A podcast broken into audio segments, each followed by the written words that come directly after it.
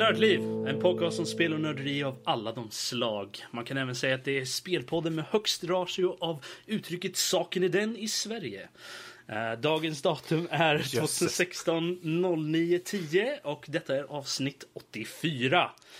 Eh, eh, idag kommer vi bland annat ta upp angående vi har lite first impressions den här veckan med uh, Deus Ex Mankind Divided, Enderal, en mod till Skyrim och Resident Evil Zero. Vi har även lite nyheter där vi pratar om lite eh, uh, PS4 Pro, eh, PETA som håller på och petar där de inte ska peta.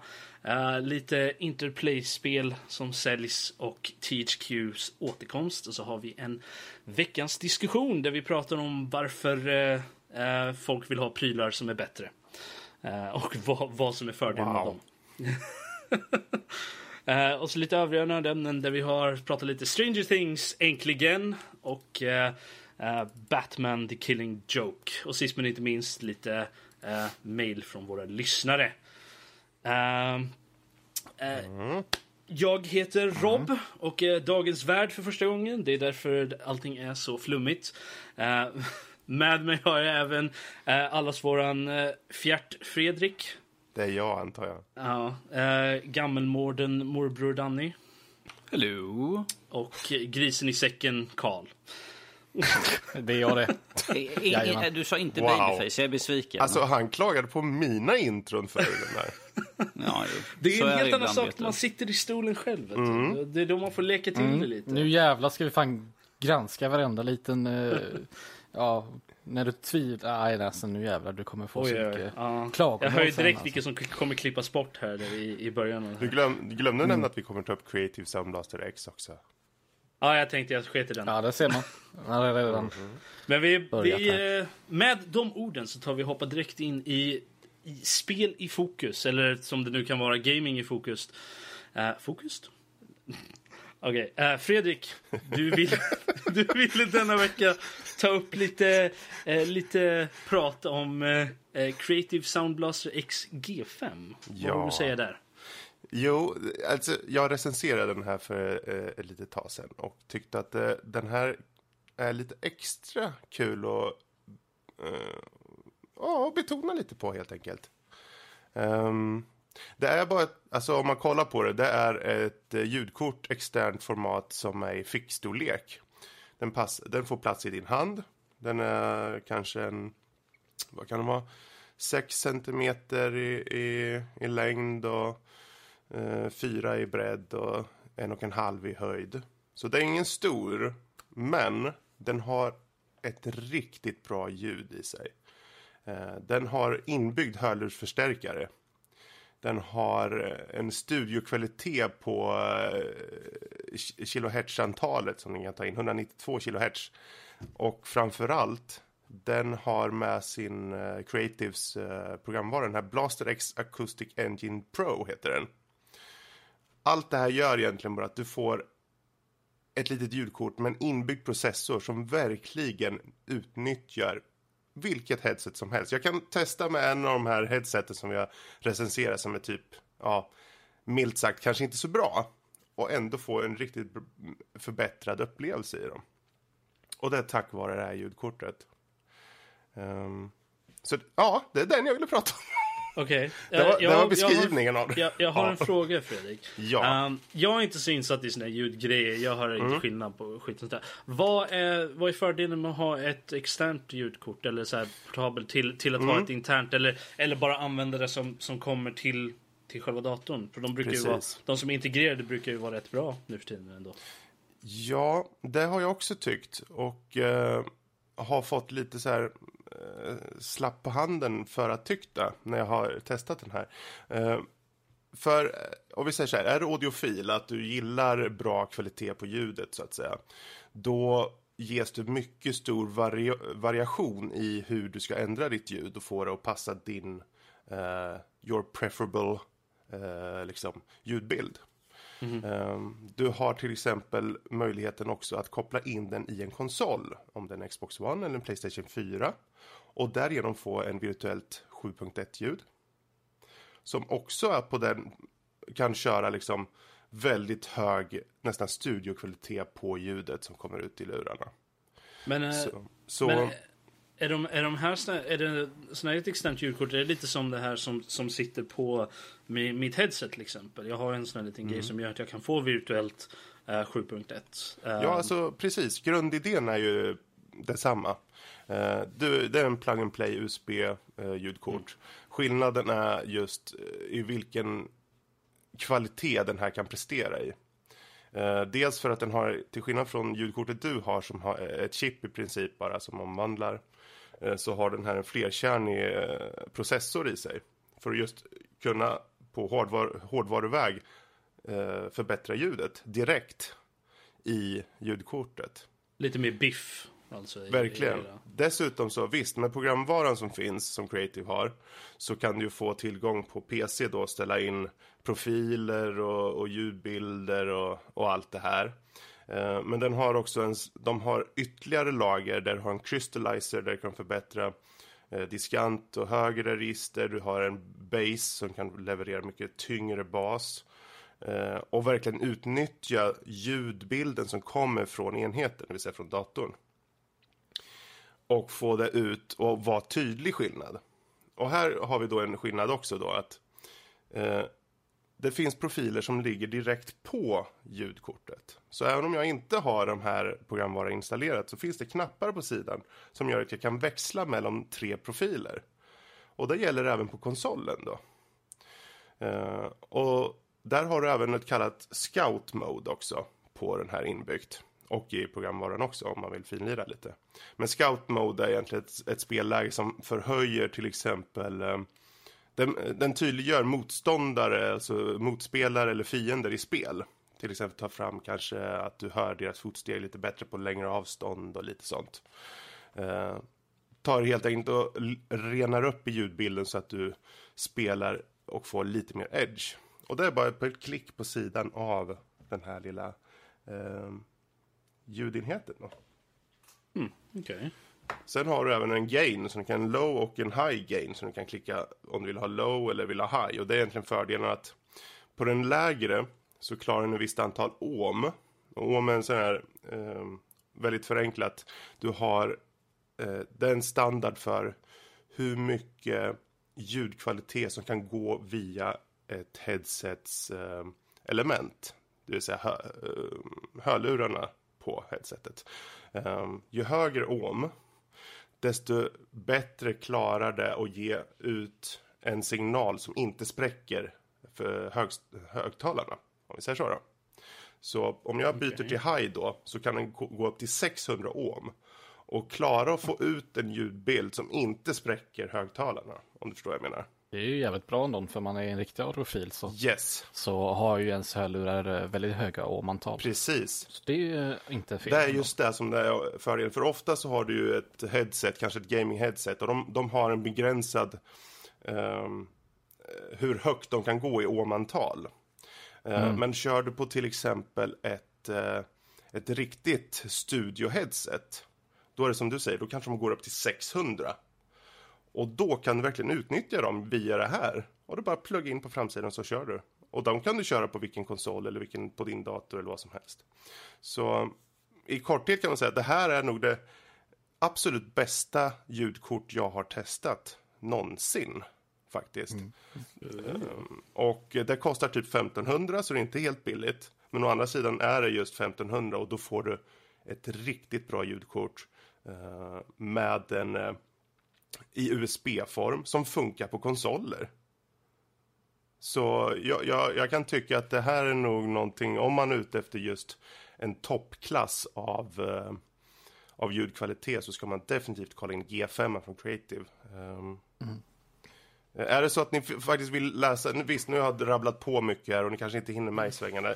Det finns en recension på vår hemsida på den här, som jag går in på det lite mer eh, ordagrant så att säga. Så läs gärna den. Men jag personligen tycker att det här är nog en av de bättre, om inte det bästa jag har testat eh, på väldigt många år eh, vad gäller ljudkort. Mm, det är ju bra mm. i alla fall. Jag skulle bara vilja tillägga mm. en punkt där. Jag sitter ju och testar eh, lillebrodern till mm. G5, alltså G1 i det här fallet. Sunblaster X G1 mm. heter den. Och det är ju en sån liten pyttevariant mm. bara. Och eh, den fördelen som jag har funnit där, det, den har ju egentligen samma typ av funktionalitet sett till mjukvaran mm. i alla fall som, som G5 har. Misstänker att det är exakt samma mjukvara.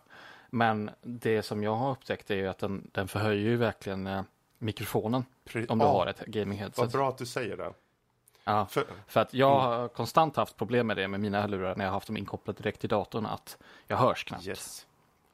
Men kopplar in de här istället så, så får vi en mycket bättre ljudbild på och visst det är, det är, det är en mikrofon på ett headset mm. men man vill ju ändå höras tydligt och det var liksom till en punkt där mina Eh, kompisar alltid gnällde, liksom, det går knappt att höra dig, kom igen.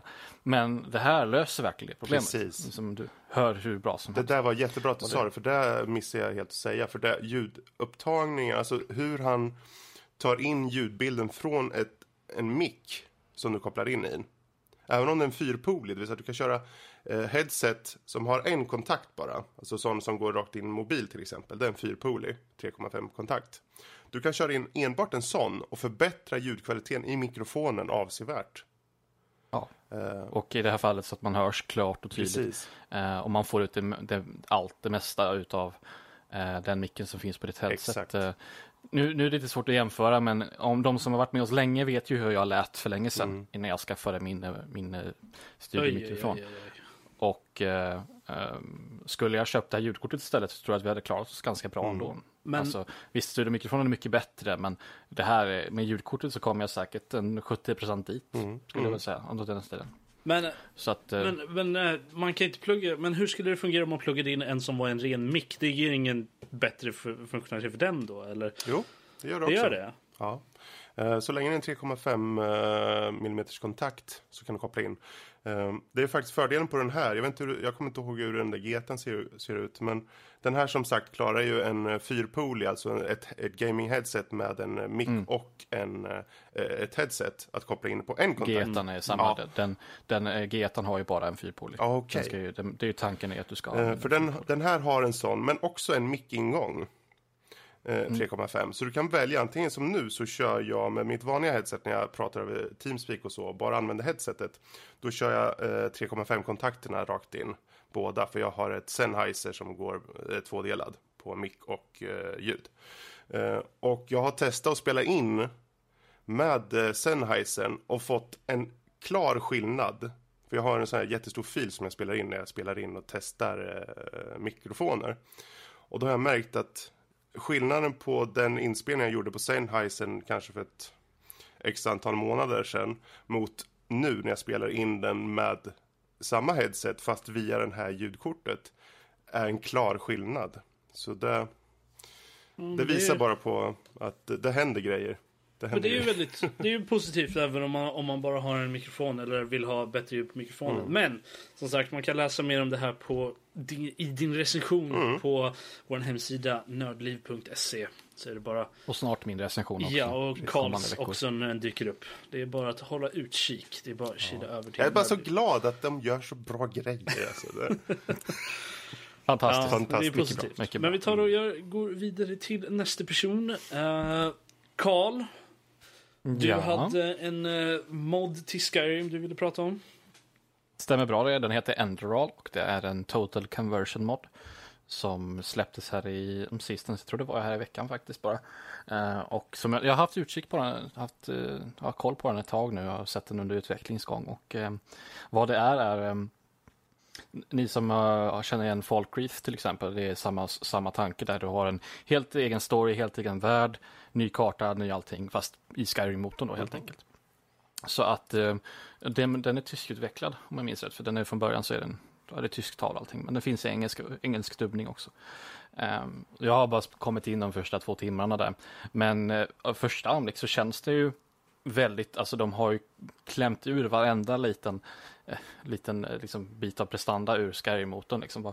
Precis allting och sen så är voice-acten är riktigt bra, alla effekter, all, allting och, och, kartan i sig. Alltså det är en helt ny karta. Och det här har ju ingenting med Elder Scrolls att göra, alltså den canon på något sätt eller lore. Ja, nej, jag, tänk, jag tänkte fråga. Det är en egen, helt egen värld de har byggt upp så att säga. Jag, jag tänkte fråga hur, eh, alltså den bygger på, på Skyrim-motorn så, men använder den uh, combat, alla system och sånt från Skyrim? Ja, precis. Den använder eh, för det mesta de har ju finslipat den och gjort den sin egna. De har lagt till lite egna, egen mekanik. Eh, jag kan ta upp som ett exempel så har de lagt in ett ja, Arcane Fever, är något som heter. Och vad det innebär är att om du använder magi för mycket så blir du galen. basically. Och blir du 100% galen eller får du 100% Arcane Fever, för det är givetvis en liten bar som går upp så här, så dör du direkt. Så att, eh, det är inte så bra. Precis som i verkliga livet alltså. Okej. Okay. Så att eh, de har ju givetvis eh, eh, justerat mekaniken lite grann, men det är fortfarande eh, gamla hederliga Skyrim eh, combat, vilket det vill säga inte speciellt bra för det finns inga vikt bakom det. Eh, utan du slår bara, står bara och slår på dina fiender och det händer inte så mycket utan till slut så dör en av er. Liksom. Som det brukar vara. Eh, exakt. Men det som är så positivt är att den här är helt gratis, går att ladda ner direkt. Det enda du behöver givetvis är Skyrim i sig, men det är väldigt lätt att få tag på billigt så nu för tiden. Um, och um, ja, vi får se framledes hur mycket content det finns, men kartan i sig, jag skulle väl säga att den är jag skulle vilja säga hälften så stor som kartan i Skyrim skulle jag vilja säga. Den är, det är en liten ö som man hamnar på som heter just Enderall då. Och så får man ju se vad storyn tar vägen där. De, ehm, de börjar med att etablera lite karaktärer, lite, eh, lite lite backstory, lite eh, raser och sånt där. Det, det börjar med att man eh, med en konstig dröm och sen så hamnar man eh, på en, på en, man blir liksom, man, man kastas i vattnet och sen hamnar man uppe på en strand och så ska man ta sig därifrån. Eh, så att man får se framledes vad det tar vägen och hur mycket content man får ut av en helt gratis mod. Mm. Så att, ja, det finns ju inte så mycket att förlora ja. på att testa. Men med min experience från uh, Portal Story så kan man nog få ut ganska mycket om de gör det bra. Mm, mm. Det jag är nyfiken att se hur mycket sidequests och sånt där de har fyllt i hur mycket worldbuilding de kommer att göra. Så som sagt, det är en helt egen story, helt på all, allting, liksom, helt eget. Så det ska bli intressant att se hur mycket de kan hitta på själva, hur mycket de har hittat på själva och hur Eh, hur bra loren är och allt sånt där. Eh, det blir jag mer nyfiken på att se, för det roligaste med Skyrim var ju att springa runt och göra alla sidequests och inte göra main story. så att, ja. Så, som i de flesta spelen då alltså? Ungefär. Men det var Enderall i alla fall. Yeah. Finns inte mycket mer att säga just nu. Var kan man hämta det någonstans då? Deras egen hemsida, enderall.com. Okej, okay. ja, men det, då kan man chilla dit och ladda ner det så länge man äger, har Skyrim. Det Stämmer man laddar det upp ha... tillsammans med Skyrim då? Eller? Ja, man, vad man gör är, det, det, står ju hur man installerar, men vad man gör är att man, okay. de har, dels har de liksom spelfilerna i sig så har de en launcher. Så du hämtar ner Skyrim och så slänger du in deras launcher i uh, Skyrim-mappen och så kör du igång den så installerar den. Det är jättelätt egentligen att installera okay. Ja, men det är positivt. Uh, men det är jättebra. Det, ja. låter, det låter ju trevligt för de som gillar Skyrim uh, i alla fall.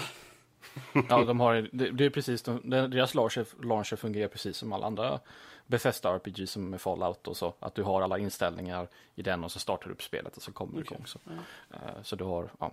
Ja, ja. Det jag ser fram emot att spela vidare. Vi får se vad den tar Ja, vägen. precis. Men enderall.com, all med ett L. Uh, jag stavade fel först. uh, I alla fall, uh, vi hoppar vidare till uh, gamlingen Danny. Eller bara Danny, om han vill. Med lite Resident Evil Zero. Yes, yeah ta lite kortfattat. Resident Evil Zero HD som de släppte här nu i januari är en, en, en remake eller en remaster från gamla GameCube-spelet som kom ut 2002.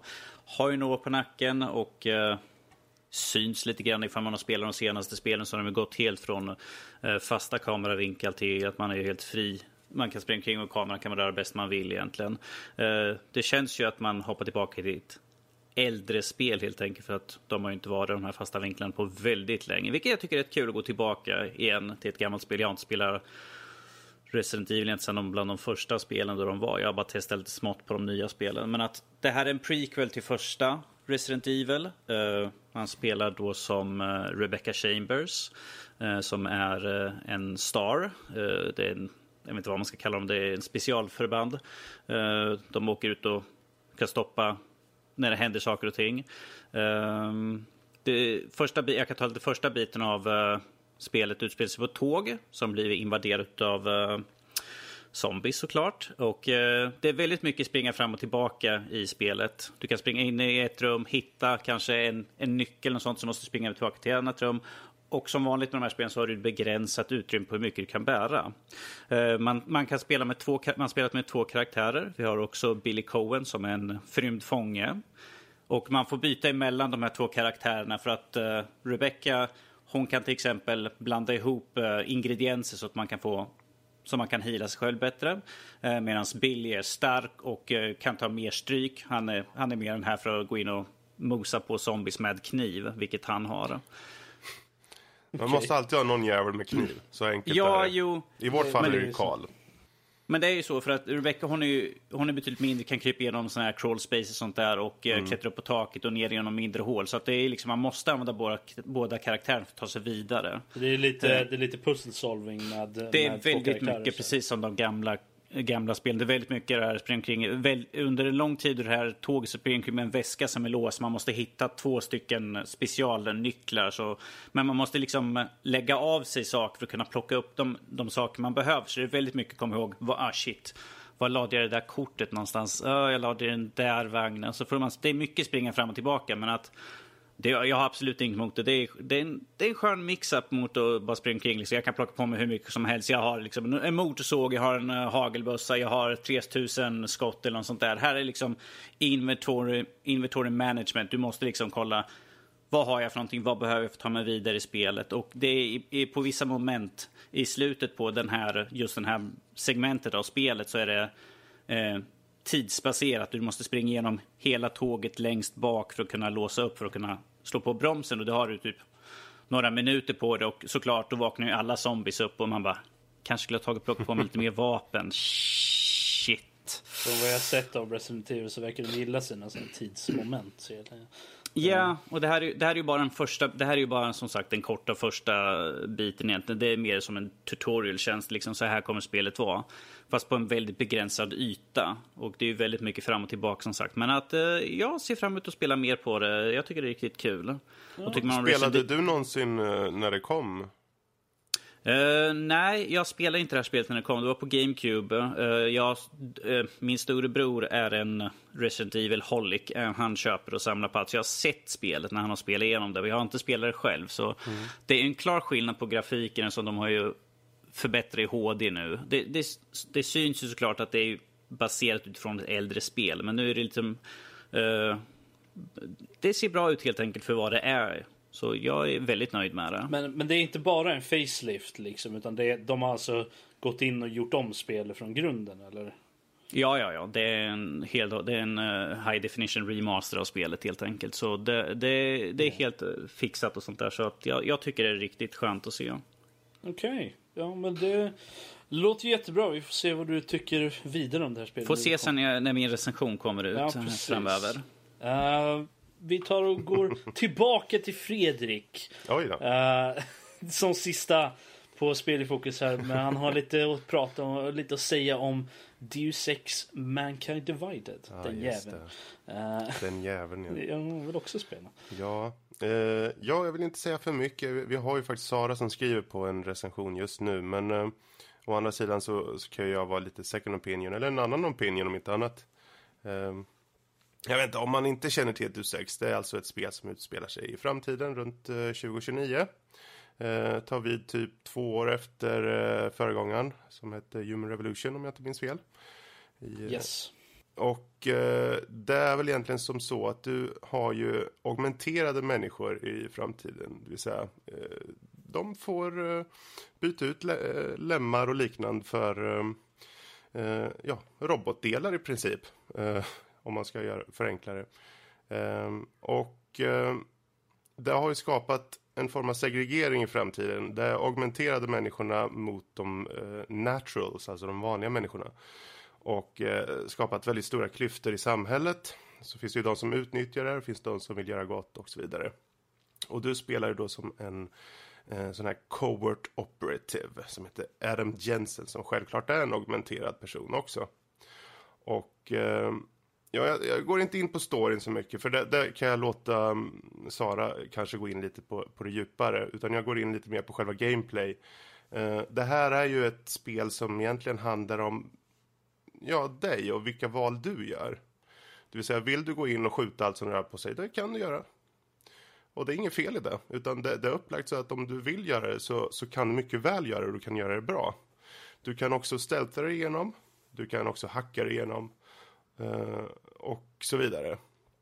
Ehm, du kan vara pacifistisk och eh, skjuta med, eh, sån här eh, elektrifierande eh, skott så att de svimmar av och ramlar ihop och sover. Ish. Eh, och så, vilket jag gjorde. Eh, har inte dödat en jävel faktiskt. Inte inte, inte med flit. Jag, Oj, han Det räknas kant. inte riktigt Fredrik. Fre- Fredrik, så du skjuter den, han trillar över en kant och dör utav det. Det liksom, det var inte jag. nej, jag jag, jag sköt ju faktiskt. Man ska, hå- om man ska hårdra det så är dråp inte mord. Liksom, nej, nej, att jag så menar- är det Så är det Ja, så, ja, ja, så, så, Så okej. är det ju. Det är, så räknar spelet i alla fall. Sen hur det är det i verkliga det. världen, det är ju en annan femma. Men eh, de har väl kanske inte så här jätte utvecklat konceptet från Human Revolution. Det vill säga, du har ju fortfarande skills som du bygger på och låser upp. Ehm, eh, med, eh, istället för att det heter liksom skill points så heter det praxis. Eh, och du liksom kan låsa upp olika sätt för att ta dig an fiender eller bara hoppa höger eller springa snabbare eller dasha framåt. Det finns en, eh, det finns en hel del schyssta eh, skills man kan eh, använda sig av. Ehm, men jag personligen fann väl att storyn var faktiskt, main storyn är lite tråkig. Ehm, det är en sån här typisk konspiratorisk historia som som kanske inte är så här jätteunderhållande. Men däremot eh, sidohistorierna. De tycker jag nästan ännu, de är bättre. Där har du en variation framför allt eh, i de här sidouppdragen som jag tycker om. Eh, det kan vara att du ena stunden kanske löser en mordgåta där du ska ta fram ledtrådar på en eh, brottsplats. Till att du ska smyga dig in via ventilationssystemet till ett ställe för att hacka in på en dator utan att synas eh, och sen gå därifrån. Och blandade uppgifter liksom så här. Och där tror jag nog att det faktiskt är som nästan bäst. När du faktiskt får eh, ta något sidouppdrag och utnyttja dina skills eh, beroende på hur du har valt att spela spelet. Eh, och det borgar också för att om du faktiskt vill spela om spelet så kan du göra samma eh, sidouppdrag på ett helt annat sätt. Men, eh, men Fredrik, alltså Mm. storyn i, i Human Revolution är ju också en sån story. En sån här konspirationsstory. Så att, hur jämför de skillnad, två med varandra? Skillnaden där, att den är betydligt mycket större på det sättet att scopet på den eh, känns eh, betydligt mer eh, betydelsefullt helt enkelt. Okej. Eh, här i slutändan så var det en ganska antiklimatiskt slut, ärligt talat. Det var mest okej. bla bla bla bla, ja nu var det slut. Okej. Ja, ja. ja, men det låter ju Eh, trevligt. Eh, Det var inte som att jag gjorde några val, för i slutet på förra så var, om jag inte minns helt fel, man kom till någon maskin och skulle man välja något av, av flera val och sen vart det stora liksom outcomes av det här. jag för det mig. var... Nej, du hade några dialogval i slutet. Jag tror du, du, hade ju, du hade ju flera val innan och sånt där. Men du hade ju, de stora valen var ju i slutet när du pratade med han... Han som fick, hade skapat alla augments-grejerna. När Mm. pratade med honom. Och det, men men eh, allting ledde ju i stort sett i, i stort sett samma slut. Mm. Så att det, det var ju bara hur du kom dit som... som Vem vet, det kanske var det- samma sak här också. Det är inte något man kanske riktigt tänker på hur. Men det kändes bara som att det var större stakes i förra. Det kan vara att det, det, det, ligger stakes i det här också. Det är klart det, är jättestora stakes. Det är bara att de inte riktigt har samma punch som de hade i första tycker jag. Men som sagt, de här sidouppdragen och eh, gameplay räddar upp det mesta faktiskt. Ja. Eh, Jag har bara en fråga Fredrik. Mm. Får man mer ammo till alla trank eh, vapen i det här spelet än i, i Human Revolution? För- eh, ja. Jag ville gå non-lethal i stort sett hela tiden. Och jag ville gärna vara lite ranged också så man, så man inte behövde smyga upp Mm. till folk och, och ta ner dem bakifrån eller sådär. Och det var jävligt dåligt med eh, trank eh, eh, och stun eh, ammo och Mm. sånt där i, i Human Revolution. Det är inga problem med det här. Jag Det körde rakt igenom med stungun och Okej. tranquilizer rifle. Sniper, typ. Och eh, du hittar ganska mycket med eh, tranquilizer darts, eller vad de kallas, och stungun Mm. ammo. Och dessutom på varje karta finns det en seller, en försäljare, som du kan köpa. Oftast kan du köpa just dem, eh, den ammon. Ja, men det är jättebra för jag kände alltid i Human Revolution att även att de nästan försökte tvinga en åt eh, den more, mer brutala rutten. Eh, så att det är bra att, de, att höra att de har balanserat upp det i alla fall lite. Jag som sagt körde igenom hela spelet och hade aldrig något problem med ammon, om vi säger så då. Okej. Så det säger väl någonting där. Du kanske är pricksäkrare än vad jag är också. Ja, det, det. kanske det, kanske. Uh, ja, det vet jag inte, men det, man låser ju upp, liksom, du får lite större inventory också. Vilket jag inte har gått in på riktigt, men uh, ja, det, jag tycker det, som sagt, det, det, här är ett bra spel. Det är absolut inte kanske världens bästa spel. Men om man är ute efter just den här typen av spel, där man ska själv ges en massa olika val och ta det an, och särskilt om du gillar stealth-spel, då är det definitivt ett spel. Jag menar, jag lätt la ner 35 timmar på det. Och då finns det massor kvar att göra i det. Ja, det låter jättebra. Jag ser fram emot att få lägga vantarna på det någon gång om hundra år när jag har råd med sånt. Uh, så får vi väl ja. se vad jag tycker om det. Men uh, vi gör så här.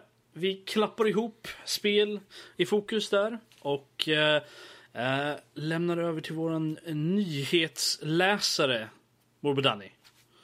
Jaså, vi vill ha nyheter. Jag tror ni vill fortsätta diskutera Dus, äh, dus 6. Det skulle vi ja, kunna göra, men vi behöver vi gå vidare. Fram, i, en fra, I en framtida podd kanske, sådär kan ja, vi tala. Kanske, kanske. Vi kan ju börja lite kort med den här nyheten om uh, Playstation 4 Pro som utannonserades. Inte för att det var så mycket utannonsering, så vi redan mer eller mindre visste allt som fanns att veta om den. Mm. Uh, om vi, om, innan vi går in på jag tyckte att PS4 Neo var ett mycket bättre namn. Ja, det var det faktiskt. De vi kan ju, vi kan ju ta lite kort vad vi, vet, vad vi vet om den. Uh, den släpps den 10 november och kommer uh, kosta 399 euro. Uh, det är väl inte så farligt dyrt. Det är väl vad en PS4 kostar när den kom ut första gången antar jag väl. Uh, du, du, du, de har inte gått, jag tror inte de har gått ut med att den kommer ha en högre klockfrekvens än nuvarande PS4. Vilket man får hoppas eftersom den heter Pro. Mm. en terabyte lagringsutrymme. Vilket är bra. De kommer ju lägga till så att man har uh, uh, HDR kommer ju vara på dem. Eh, och kommer också till nuvarande PS4 i en uppdatering här framöver. Så bättre bild. Eh, de säger att multiplayer ska kunna köras i samma antal bild som på PS4 och PS4 Pro. Så att där ska de liksom, jag vet inte liksom varför man då ska skaffa en Pro ifall det är exakt samma. Eh, den ska ju vara stöd för 4K vilket jag nu har läst till att det stämmer inte, för det är inte riktigt 4K. Nej, det är inte native. Det är inte native 4K. Nej, det är inte native 4K. Vilket har fått väldigt mycket kritik har jag läst nu över nätet så att säga. Eh, så det, det är lite, lite dåligt där. Eh, jag vet att Xbox också har eh, gått och skrattat över dem lite grann. Fast de har ju samma sak så. Ja, jo. De har inte stöd för 4K, att du kan inte köra 4K-filmer i den. Nej. Vilket jag tänker, who cares? Det där, det där är ju å andra sidan det mest konstiga tycker jag. För Sony är de som tillverkar Blu-ray som är 4K. Men de har inte med det på sin enhet. Uh... Det, måste, det, står ju en hel... Alltså det står Sony... Sonys andra departement som gör tv-apparater skriker på Playstation. Vad håller ni på Ja, precis. Man funderar. Och jag, jag kommer inte ihåg vart jag läste någonstans med att för ifall de skulle ha implementerat så att de har 4K uh, läsare, det skulle inte vara, det skulle, vad kan det ha varit, 20 dollar eller något sånt där extra eller något sånt där. Någonstans i den prisklassen per konsol. Så jag förstår inte liksom, why not? Konstigt. Ja. Ja, det, ja. Uh, den, uh, den eh, bygger på AMDs Polaris-arkitektur också. Mm. Um, ärlig, ärligt talat, jag är inte så imponerad faktiskt. Nej. Det är ju i ehm. princip rakt av en slim på Xbox One. Alltså det är ju jättetråkigt att de redan nu kommer med en sån här. De borde yeah. ha väntat. De vill ju liksom komma ut tidigare nu än uh, Xbox ju, som kommer i nästa höst ju. Ska mm. den komma ut. Ja, fast den här har de ju sagt ska inte vara jämförlig mot... Uh, du tänkte Nej. Scorpion? Ja, precis. De ja. säger det, ja. Men det är ju helt... Det känns ju som att det, det är deras svar på tal nästan. Känns det... det... Ja, det, jag tror inte det. Jag tror mer på att de vill komma ut med någonting som ligger samtidigt med releasen av Playstation VR. Som ger den en lite bättre edge. Eh, med RAM-minnet som går upp. Samma antal i RAM-minne, det är bara att det är DDR5. Uh, och lite snabbare CPU, bara för att kunna få lite mer crisp. Och så kan de sälja lite fler såklart. Jag blir lite så här... Jag, ty jag tycker att det känns lite nära på eh, Playstation VR. Eh, för det kom nu också nyligen, gjorde det inte? Eller har det inte Nej, släppts det än? kommer ju i höst. Det gör det. Ja, de släpper det ju nästan ex- exakt samtidigt. Det känns som att kan de inte staggra ut releaserna lite mer så att... Men det är ju det de vill. De vill ju ha den samtidigt. Ja, de men vill det känns- utnyttja det- det faktumet. Jo, jo, men jag känner inte... Alltså personligen så tycker jag det, det, det känns konstigt för att jag menar om jag har, du råd... Det, det finns ju säkert de som har råd att köpa båda, men eh, om man inte äger ett Playstation redan innan så kan man ju säkert köpa. Så köper man ju antingen den ena. Då köper man ju Playstation först. Förhoppningsvis. Istället för ett, ett, ett Playstation VR. Men har du ett Playstation redan. Så ser du att oh, men den här är ju bättre optimerad för VR. Men alltså. Köper man, då köper man ju fortfarande VR och inte Playstation Pro då. Eller hur? Mm. Men de går ju win-win där. För folk, antingen så köper de ju och uppgraderar sig på båda. Eller så köper de Playstation VR bara för att det är i ropet. Liksom. Ja, nej, men jag tänker mer att det, det känns som att det, hade, det kanske hade varit bättre att staggra ut i de här releaserna under ett år kanske. Så att man folk liksom... Jag tror det, problemet de ställs inför där, att om de skulle ha avvaktat med till exempel eh, VRen, eller om de skulle ha avvaktat med den här enheten framför allt. Då skulle de på direkten har jämförts med Scorpion som kommer då om ett år, om den nu ens kommer då. Eh, för om de ligger för nära den, då kommer de få stora problem. Om de skulle avvakta med VRen, då skulle de, eh, då skulle de ha gjort eh, massor med fans upp. Eh, jag menar, då skulle folk ha gått i, eh, i bräschen och sagt, vad fan är det som händer här? Ni skulle ju lova det här datumet, skjuta upp det. Så Ja. jag tror nog att det här var det enda de kunde För hade de som sagt väntat med releasen av den här enheten Då skulle den ju på, på en gång jämföras med Scorpion som skulle komma ju bara strax därefter Men nu är det i alla fall över ett år kvar Ja, nej, men jag Så- säger, jag säger inte att de skulle ha släppt det liksom om ett år. så, Utan, men staggra ut så det kommer lagom till sommaren eller något sånt där. Det hade ju varit... Det är för nära också Ja, jo, men det... Ja, Kanske januari skulle ha gått Alltså det, det är helt klart de har tänkt så här, men jag, personligen, rent personligen så tycker jag att det, det känns som att de, de har tryckt ihop det lite för nära. Ungefär som man releasar två spel precis på varandra. Och det blir, det blir så svårt att... Ja, alltså, jag kan förstå Rent personligt tycker jag att de skulle ha avvaktat helt med den Men ur företagsmässig synpunkt så förstår jag helt eh, varför de gör så här Men då kan vi, då kan vi ta samtidigt eh, som de släpper faktiskt två nya konsolvarianter. Vi får ju eh, den, den mindre, de, deras svar på Slim. Eh, nu heter inte den Slim utan heter ju bara Playstation 4. Ja. Vilket, vilket är mindre och den kommer gå på bara 299 euro och den släpps om eh, Just nu när vi spelar in om fem dagar, den 15 september. Men det, det kan jag förstå mer. Det kan jag förstå mer. För det är ju alltså en, en mer kompakt, billigare variant av deras aktuella konsol. Ja, det är, Är ju det. samma konsol, det är Ja. bara att den är mindre i Ja formfaktor. precis, det är samma sak som de Och har gjort redan innan. Och jag tycker att det är en helt okej grej att göra för att det är billigare också. Det är ju det. Det är, det är mindre pengar som folk behöver ge ut snarare än, än mer. Mhm.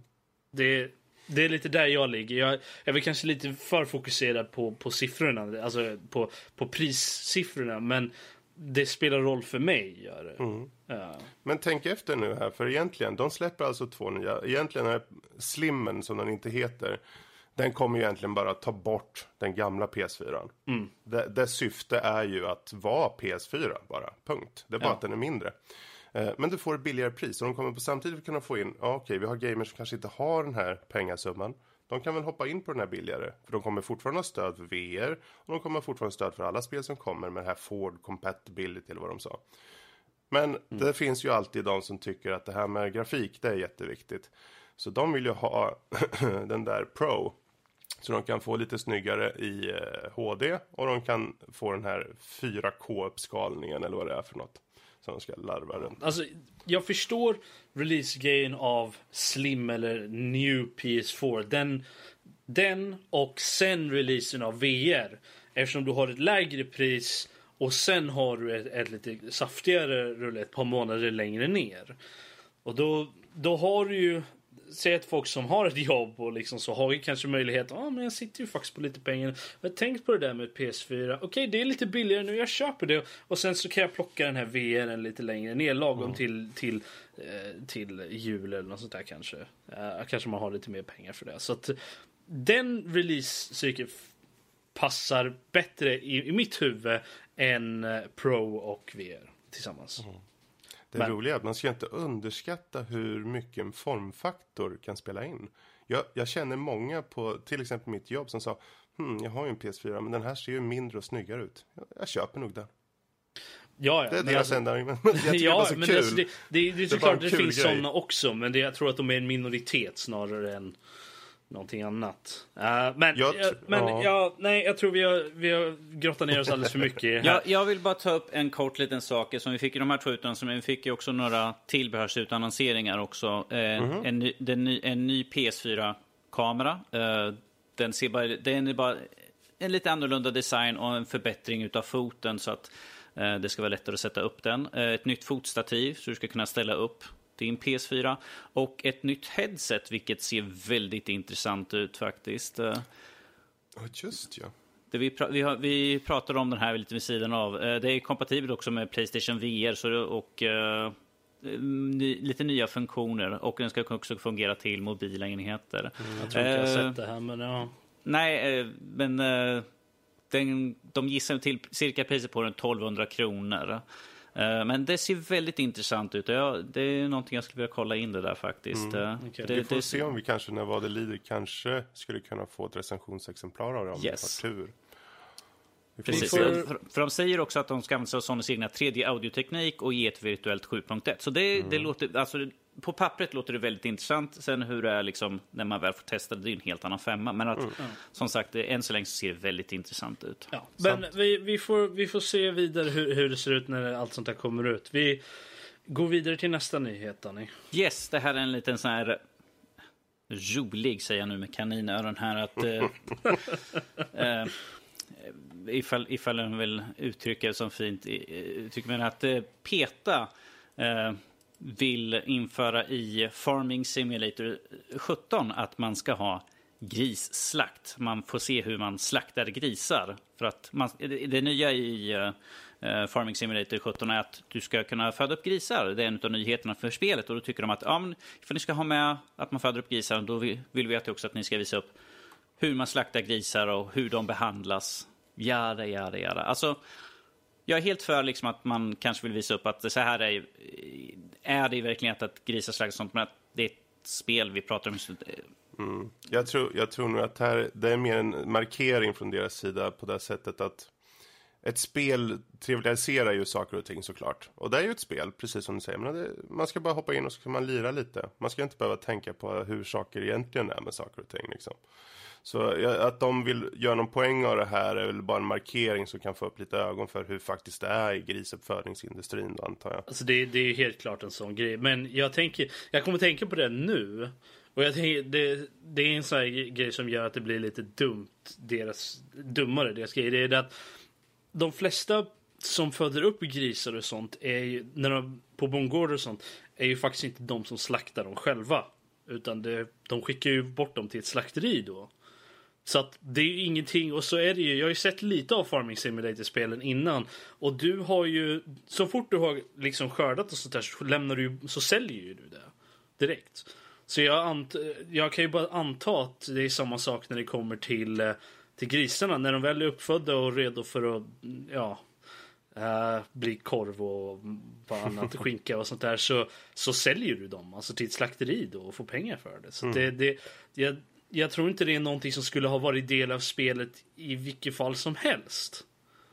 Nej, så. jag tror inte de har räknat med att det ska tas in. Så. Nej, nej, men jag det, menar bara på att så. rent logiskt sett så skulle det inte ha varit en del av spelet även om det skulle ha varit en del av spelet om du förstår vad jag menar. Så ja, det, ja. det, var, det var bara det. Jag, jag kommer tänka på det nu och det, det får ju hela nyheten att vara, bli ännu dummare bara tänkte jag. Mm.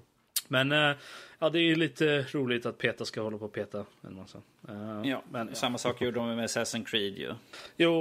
eh, Ja, valslakt, åh, hemskt. Ja, jo, men det var på den tiden. Då jo.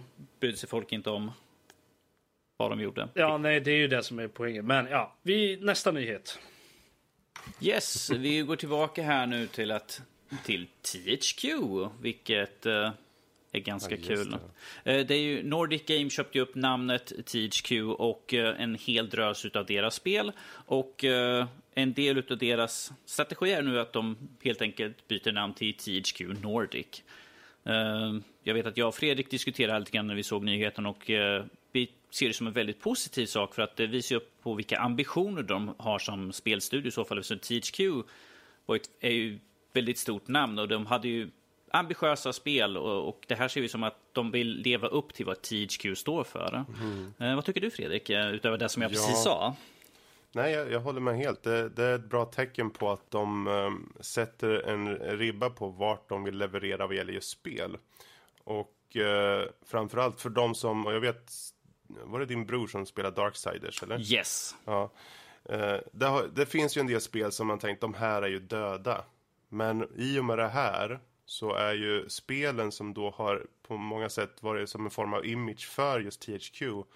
Ja, de kan mycket väl komma tillbaka. Som Darksiders och Red Faction och Destroy all humans. Destroy All snälla. Humans. Åh, ge mig Destroy All Humans. De ska, jag läste precis att de skulle ge ut eh, till Playstation 4, tror jag det var, Destroy All Humans. Det, 3, det senaste spelet. Jag bara, ge mig ett nytt spel istället. Kom igen, Det, jag vill ha ett det nytt där, spel. alltså att de gör det kan ju vara att de känner av på marknaden för att se hur, hur suget är efter en, en titel av det slaget. Ja, samma sak gjorde de ju med Darksiders 2, vilket de också gav ut till Playstation, den här Complete Collection, vad den hette Mm. Ja. för någonting. Så jag tror tyvärr inte det sålde så bra, men att vi vill se nytt. Man, Ja. man har ju sett sådana strategier tidigare, inte bara där men på andra ställen där de har gett ut nyutgåvor eller en liten fin HD remaster snabb Mm. sån här. Så för, för att liksom, eller bara rent ut sagt le, lägga ut det på Steam. Mm. eh, där det inte fanns tidigare bara för att se vad för liksom intressebiten. För det kostar ju inte dem någonting oftast Mm. när det kommer till det. Bara en, en re-release så att säga.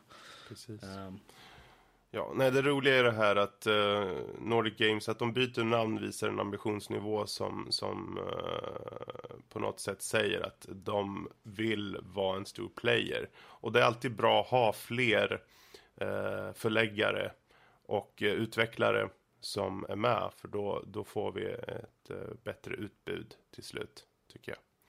Så det är väl det.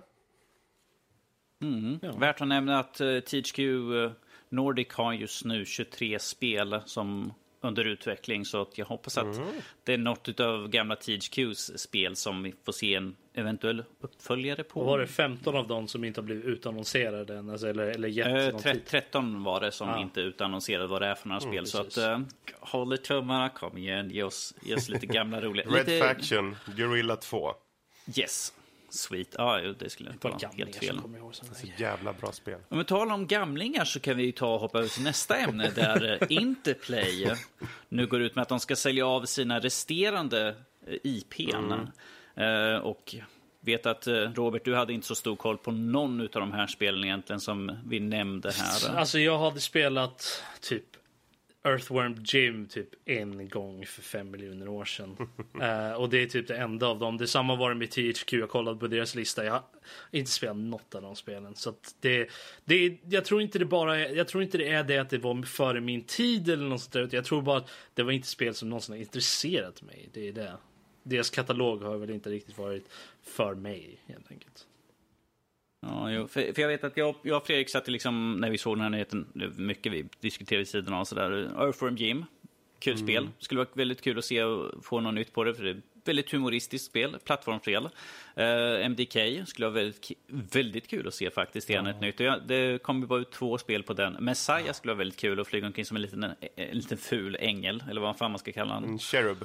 En Cherub, så heter de ja, precis. Och ta över kroppar. Uh, Clay Fighter. Uh, fightingspel i all ära, men det är ett av de som jag tycker är kul. Det skulle vara väldigt kul. Så. Ja, Ja, jag har ju fortfarande Sacrifice här av Shiny Entertainment okej, på sin tid. Som är så här brittisk humor i tredje persons gudaspel. Alltså de här spelidéerna, om de har kunnat göra, om någon bra utvecklare köper upp de här, eller förlag eh, med pengar bakom sig, då skulle jag bli väldigt glad. För då vet jag att då kommer det kanske bli något av dem någon vacker dag i alla fall. Och sen, eh, här var en som vi, vi såg förut precis när vi skulle sätta och spela en Redneck Rampage. Ja. Yes. Alltså, man sprang runt med kycklingar höll på och sköt kycklingar.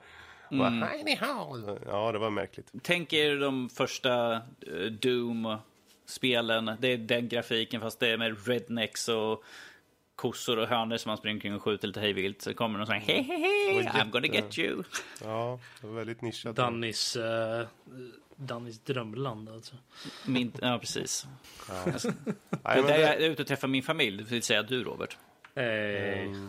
Att de, vi får hoppas att det köps eh, upp helt enkelt i den här portföljen. Ja, för det, det är bara, de håller ju bara, vill ju bara sälja bort det. Det är inte så att de har, de har sålt ut det va? Utan det, De, de eh, vill sälja av. ja precis. Eh, Så det är, får hoppas att det är må- många som vill som ser att de här spe, att de, precis, det är möjlighet att de här spelen faktiskt kan göras någonting på och kommer sälja bra ju. I bästa fall så, så får vi lite nya spel eh, på nya serier. Om inte kanske reimaginings av, av de IP'na. I värsta fall så köps de upp av företag som bara vill sitta på dem i fem miljoner år.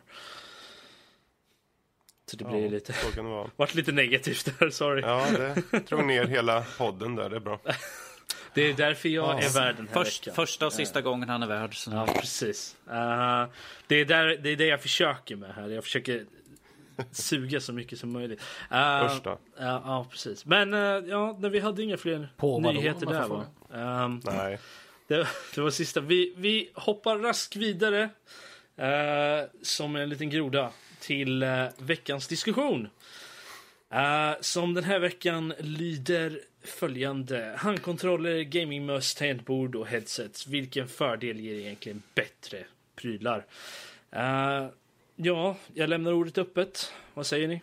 Jag kan ju säga som den som är absolut minst intresserad egentligen av nya prylar och sånt där. Nu har jag ganska mycket nya prylar egentligen. Jag, Och där sjönk skeppet. Yes, nej men att om vi säger så här. Jag, jag sitter med ADX Firefight H01 tangentbordet.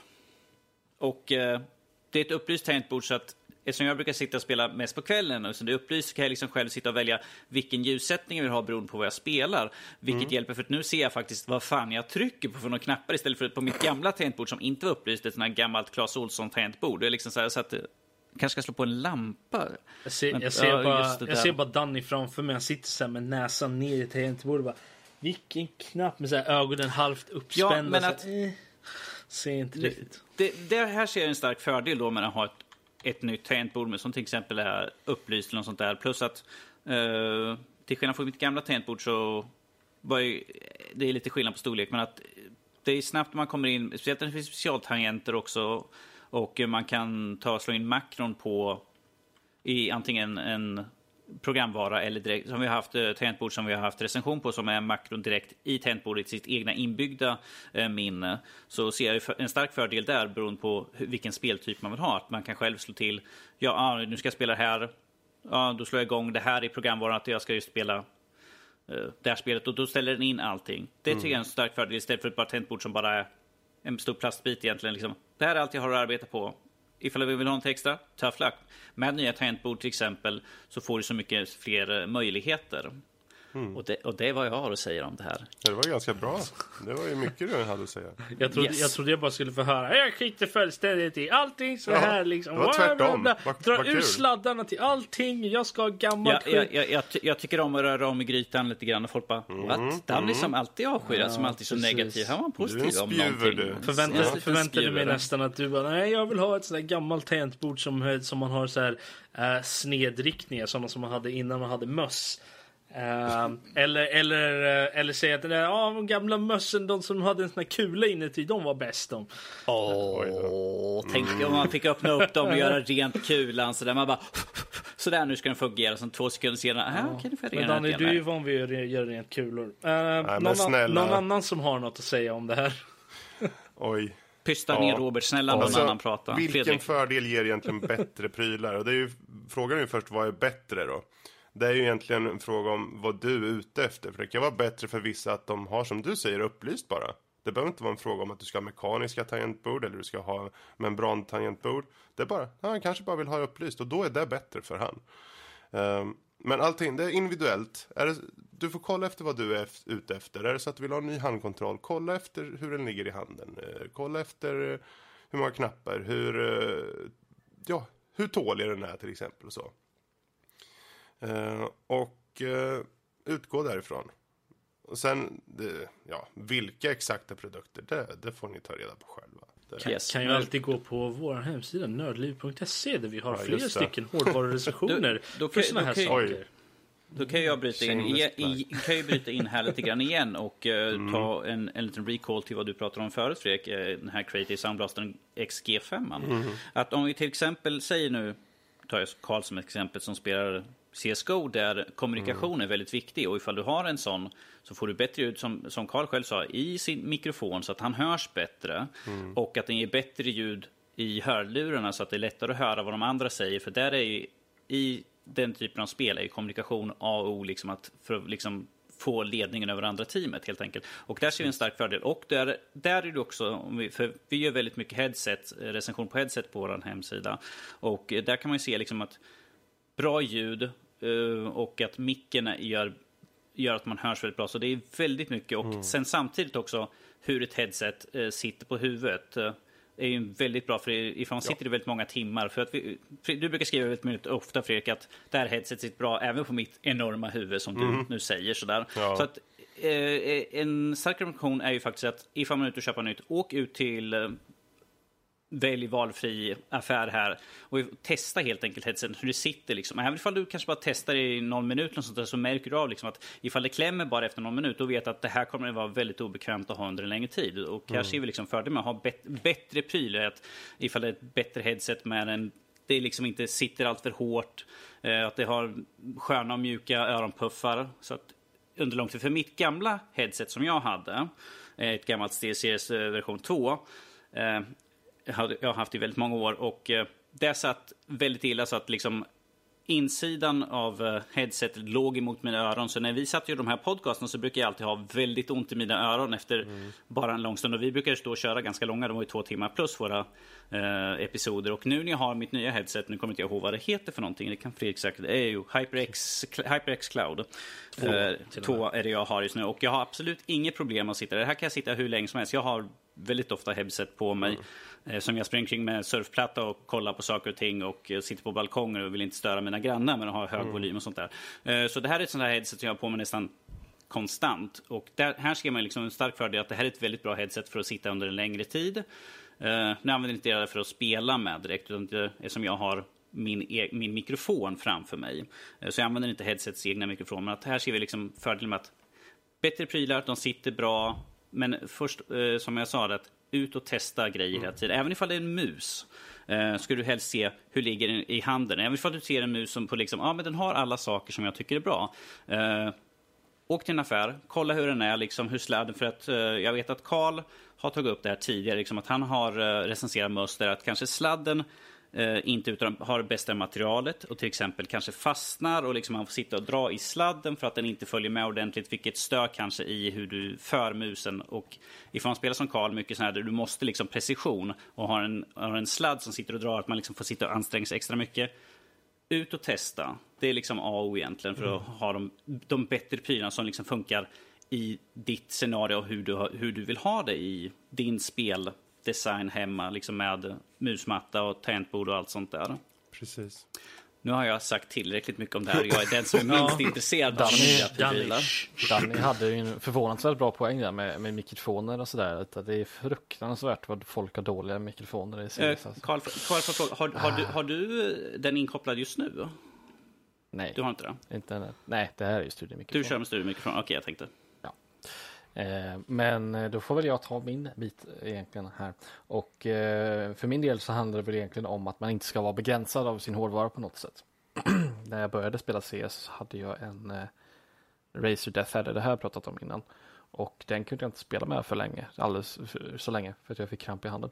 Bara en sån sak hindrar ju en ganska mycket, så att för min del så handlar det inte om att det ska vara så dyrt och flashigt som möjligt. Utan det är snarare att man ska vara obegräns, eh, inte begränsad av sina, sin hårdvara så man kan fokusera på, på spelet istället och Mm. bli bättre. För att spel som CS det är ju inte bara eh, ren precision eller så skicklighet som, eh, som gör en till en bra spelare utan det är mycket annat också. Och eh, då kan man eh, lägga fokuset på det istället. Mm.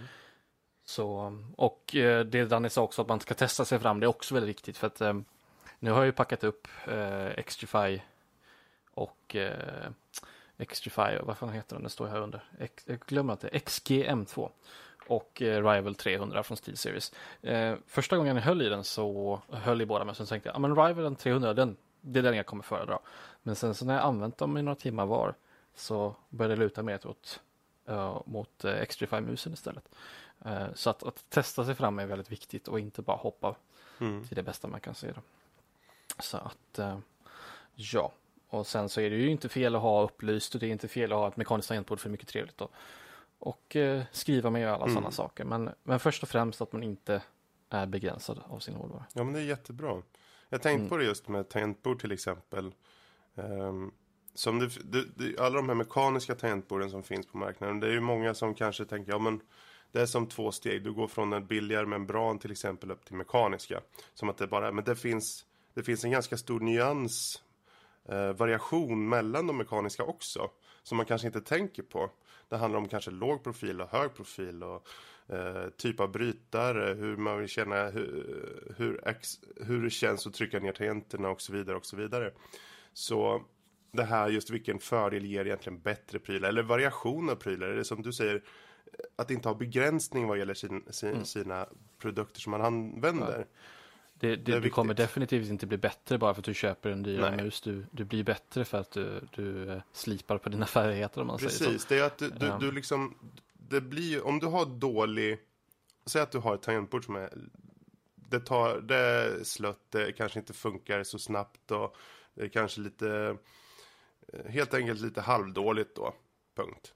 Då blir du, det blir som en, ett hinder på vägen mot din upplevelse, som mot din väg att bli bättre på spelet. Du blir hindrad där. Men då när du har ett bättre tangentbord så då är bara hindret borta. Det är inte att du kommer sitta och tänka wow, jag har ett bättre tangentbord. Det är bara att då slipper du ens tänka på det. Så då är inte ens det med i kalkylen eh, alls, utan då handlar det bara om spelet. Och det blir som att släpper man det, som du säger där lite så här, försvinner de sakerna och de inte ens tänks på, det är då de är som bäst. Precis, för att, eh, för att bli bra på ett spel som ses, det är mycket muskelminne det handlar om. Och eh, när du ska ju inte ens tänka på vad du ska göra, Mm. utan det ska ju bara göra det. Du ska inte behöva eh, tänka efter så att säga, utan när du ser en, eh, ett huvud hoppa upp lite till höger så ska du instinktivt känna av att då ska, då ska, då ska jag dra musen exakt så här långt. Och det är en sak som tar många hundra timmar att Mm. bemästra.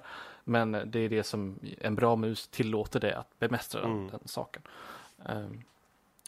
S- och alla de andra aspe- aspekterna av, eh, av spelen också. Och det här gäller ju också andra spel som, som Dota och League of Legends. Och så. Precis. Alltså, alltså för min del personligen. För, så, så handlar det mer om. Det handlar inte så mycket om att jag inte ska vara begränsad av min, mina, mina peripherals. Liksom så, utan det handlar mer om komfort. Eh, för min del, jag vill liksom inte känna att för jag har suttit, jag kommer ihåg, jag, jag satte mig för nyligen vid, hemma hos vem det nu var, eh, som hade ett tangentbord som var Uh, ett av de här tangentborden som hade såna här, de här enorma knapparna som sitt, sticker upp jättemycket. Man var tvungen att sticka upp fingret jättelångt och trycka ner liksom. Och det kändes, det var så obekvämt att använda det tangentbordet. Det var som att slungas tillbaka 15 år i tiden när man sitter med de här enorma tangentborden och knapparna är 5 miljoner mil höga liksom. Och det är en överdrift, men uh, det, det, var, det var inte bekvämt. Var det inte. Jag, vill ha ett, jag vill ha ett tangentbord som känns bekvämt att skriva vid som där jag kan trycka på knapparna snabbt nog och, och liksom inte känna att eh, det är en, eh, en chore liksom. Att det, det, det är jobbigt att sitta vid det. Eh, speciellt jag som tycker om att skriva till exempel så vill jag inte känna att det ska vara jobbigt att sitta och skriva. Eh, det är samma sak när det kommer till musen. Jag vill inte att det ska vara jobbigt. Jag har alltid fått höra tid och tid igen att eh, jag har för hög sensitivity på musen. För jag drar upp den till typ max på min dator. Oj då. Ja, det är jätte, det, jag sätter över min någon annans dator så känns musen jätteseg. Gör den. För att jag, Då ska du inte sitta över min dator för jag har blivit förstörd av CS och allt ska vara på lägst, lägsta Ja. möjliga sensitivitet. Jag är någonstans i mitten. jag vet inte, jag, jag spelar Ja. inte så mycket spel som kräver den typen av precision på datorn. För spelar jag ett FPS-spel så spelar jag oftast med handkontroll. Eh, för att det känns bekvämare för mig. och återigen, bekvämlighet. Eh, men så att jag, jag tycker om när saker går fort på datorn. Jag tycker om när jag kan snabbt dra över musen till andra skärmen och klicka på någonting, bla bla, dra, snabbt dra över till andra sidan. Eh, eh, och, och, och så, så det, det, det, för mig så handlar det liksom som sagt om att det ska vara bekvämt för mig. Mm. Och det, Ja, det, det är är ju- så mycket sånt som så när det kommer till peripherals att det ska vara eh, så bekvämt som möjligt.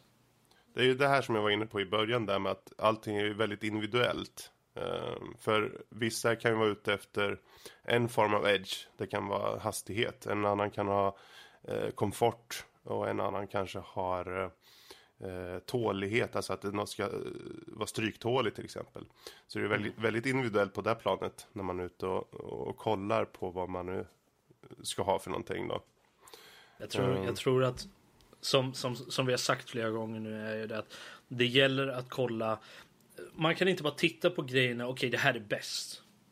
Eller de som får höga betyg, utan det gäller att, att hitta det som känns rätt för dig. Och ja, det kan säkert vara en av de här superbra, eh, dyra, coolaste, jag vet inte, bästa inom något område. Men det behöver inte nödvändigtvis vara det.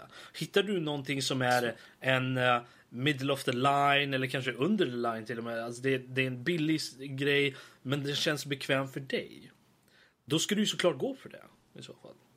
Så Rob, vad jag, förstår här ska man inte bara göra som min kompis som gick och kollade på ah, eh, vilken mus Olof Meister, vilket är en svensk CSGO-spelare, ah, han använder den här, då köper, vi den istället. Ja, det är precis så man inte ska göra tycker jag. Man kan såklart göra så och kanske vara lycklig med det men, men det, det finns så mycket grund. Det finns så mycket grund till customisering när det kommer till det här. Du kan välja att inte bara köra vad är det? Vad är de stora? Razer. De, har, jag vet inte om de fortfarande är jättestora men, men de har ju en hel line med massor med såna här gaming-saker och mössor och skit. Så. Man behöver inte bara köra i Razer bara för det. Eh, det man kan pl- plocka och liksom leta runt och hitta. Jag menar, jag har en creative mus och ett Microsoft tangentbord och ett HyperX headset liksom. Så att det, man behöver inte vara... Det kan ju vara värt att nämna också bara det att eh, i må- många fall så kanske man, man kanske failar första gången man köper en pryl. Även fast man känner på den i affären och det inte känns bra och man kanske väljer, ja men det får bli den, jag kör med den. Ibland så är det så att du, för att du ska verkligen veta vad som passar dig så i många fall som möss och tangentbord så kräver det ibland lite längre användning. Eh, Så var inte rädd att köpa något heller. Försök, för där är det ju visst, du sa eh, man ska gå efter vad man passar just dig liksom. Man, det kan ju vara svårt ibland att veta vad som passar en. Och då kanske just recensioner och liknande är en väldigt bra väg. Hitta någon som du känner, den här, han, jag tycker han passar eller hon passar mig i hur jag spelar till exempel. Och utgå därifrån. Och sen om det är mer åt ditt håll i slutändan, det visar sig. Men man får, man får försöka att hitta någonstans medelväg också såklart. Något som också är positivt där är ju om man har vänner också som kanske Precis. köper såna grejer. Kan man ju alltid gå, åh kan jag få bara testa och sätta mig och spela en liten stund Ja. bara. Så det, det finns ju alltid den vägen man kan gå också. Eftersom vi pratar till nördarna där ute så, så Mm. kan jag tänka mig att de flesta kanske åtminstone har en vän som, som ger sig för så de mer hög eh, attiraljerna. Ja, jag har en vän här. Vad säger du Danny då? Yes, eh, jag tänkte bara ta upp en till grej här nu och det här är absolut ingenting handkontroller och sånt där men jag tänkte ta lite, lite kort och ha en bättre pryl och då tänker jag prata om stolar i så fall och lite ergonomi. Ja, Eh, just det ja. Eftersom, nu tänker jag vara sån här. Jag är lite äldre. Jag har, sutt, jag har liksom, innan jag bytte stol så hade jag en, en gammal kontorstol och jag satt som en hösäck helt enkelt. Och och sitta och spela i x antal timmar i en sån stol gjorde liksom att när jag klev upp då kände jag mig som jag var dubbelt så gammal och liksom åh gud, ryggen knakar och knastrar. Nu gör den där ändå, men att och suttit en sån i en, en skräpstol och suttit och spela i x antal timmar är inte det bekvämaste. Och nu har jag en AK Racing istället och just nu sitter jag rak i ryggen. Jag har kudden mitt i svanken så att jag sitter jättebekvämt och känner inte av någonting. Att när vi pratar om, för nu pratar vi om inom gaming i så fall för det mesta och då sitter vi väldigt många timmar och att sitta rätt gör att vi orkar längre, att vi, det, det slits inte lika mycket på kroppen när man sitter i så fall. Och ha en bra stol är en väldigt stor fördel egentligen för man ska sitta. Mm. Plus att det liksom, du sliter inte ut ryggen på och liksom kan få ont av att sitta en längre stund. Vilket kan vara jävligt jobbigt för att jag vet att när jag sätter mig ner och spelar då blir det faktiskt väldigt många timmar. Och speciellt nu när jag sitter och recenserar spel så blir det väldigt många timmar för att liksom komma med igenom och få liksom intrycket av spelet. Ifall man sitter liksom för länge då kan det bli lite lidande. Men att mm. just nu så eh, har jag turen att ha en bättre stol vilket gör att jag kan sitta längre och jag har inte ont efteråt, vilket är ett stort plus i kanten sådär. Ja. Gubben rekommenderar en bättre stol. Och då kan jag också rekommendera för att också åka ut ifall du har en gammal skräpstol, fundera på, på byta ut den kanske för att det, det kommer kännas så mycket bättre när man, man sitter i en bra stol och man orkar faktiskt sitta och spela längre för att du har inte ont och liksom tänker så här, jag orkar inte, men att du får ha en bra stol så kommer du kunna sitta lite ja. längre. Man ska, inte, man ska inte, när det handlar om stolar så ska man verkligen inte hålla i pengarna. Utan du ska verkligen, om du ska ha en stol, då, då får du nog vara beredd att faktiskt lägga ner en slant. Eh, och, men då med, har du i alla fall en säkerhet på det sättet att de i regel de flesta stolarna i en högre prisklassen, och vi snackar kanske 2000 upp, de är stolar som, som håller eh, ett långt, långt tag. Mm. Um, så det är någonting du får tillbaka, verkligen. Man får, och köper man en riktigt bra stol så lär ni hålla ett tag och man får se det som en investering i sig själv helt enkelt. Ja. Precis som ett par bra skor kanske. Till Precis. Ett par gaming-skor. Skor. Um, ja. Jag tror att, Eller, jag tror att i, som slutkläm, hade du någonting mer du ville säga och, konkret Karl eller kan vi runda av? Nej, jag har sagt min sak. Ja. Nej, men så, som vi punkten. har sagt här, hitta någonting som passar för dig, pröva dig fram. Letar du efter någonting som är lite mer precision, försök hitta det. Uh, annars gå för komfort. Uh, speciellt när det kommer till stolar. Uh, var bekväm, spela bra. Så hoppar vi vidare till, till övriga nördämnen. vi börjar med Stranger Things. Fredrik, vill du, vill du prime oss in där? Ja. Jag går på toa medan ni fixar det här. Oj då. ja, du vill inte få bli spoilad? Nej, jag tänker, men jag har hört så mycket bra saker om den så jag tänkte väl, ja. Helt, helt värt att titta på. Karl, du måste se den. Ja, då. Eh, den ja, finns väl på Netflix? Va? Den finns Eller? helt yes. på Netflix, ja. Um, det, det, är kul, vi kommer ju in, vi är ju inte direkt först på bollen här kan vi säga. Den kom ju i somras. Um, I typ juli eller något. Något sånt. Och ehm, eh, ja, det, det, det utspelar sig 1983 i en liten eh, stad som heter Hawkins. Eh, där en liten pojke försvinner mystiskt. Eh, och eh, den här pojken då som heter Will, han, hans eh, mamma då försöker hitta honom såklart. Eh, försöker få hjälp från den lokala polisheriffen Jim, eller Jim Hopper som han heter. Och då försöker de då helt enkelt klura ut vad som har hänt, vart han tagit vägen. Um, och det här leder oss in då till egentligen eh, de här eh, huv huvudkaraktärerna som det handlar om är ju då eh, den här lilla pojkens vänner. Eh, tre andra pojkar.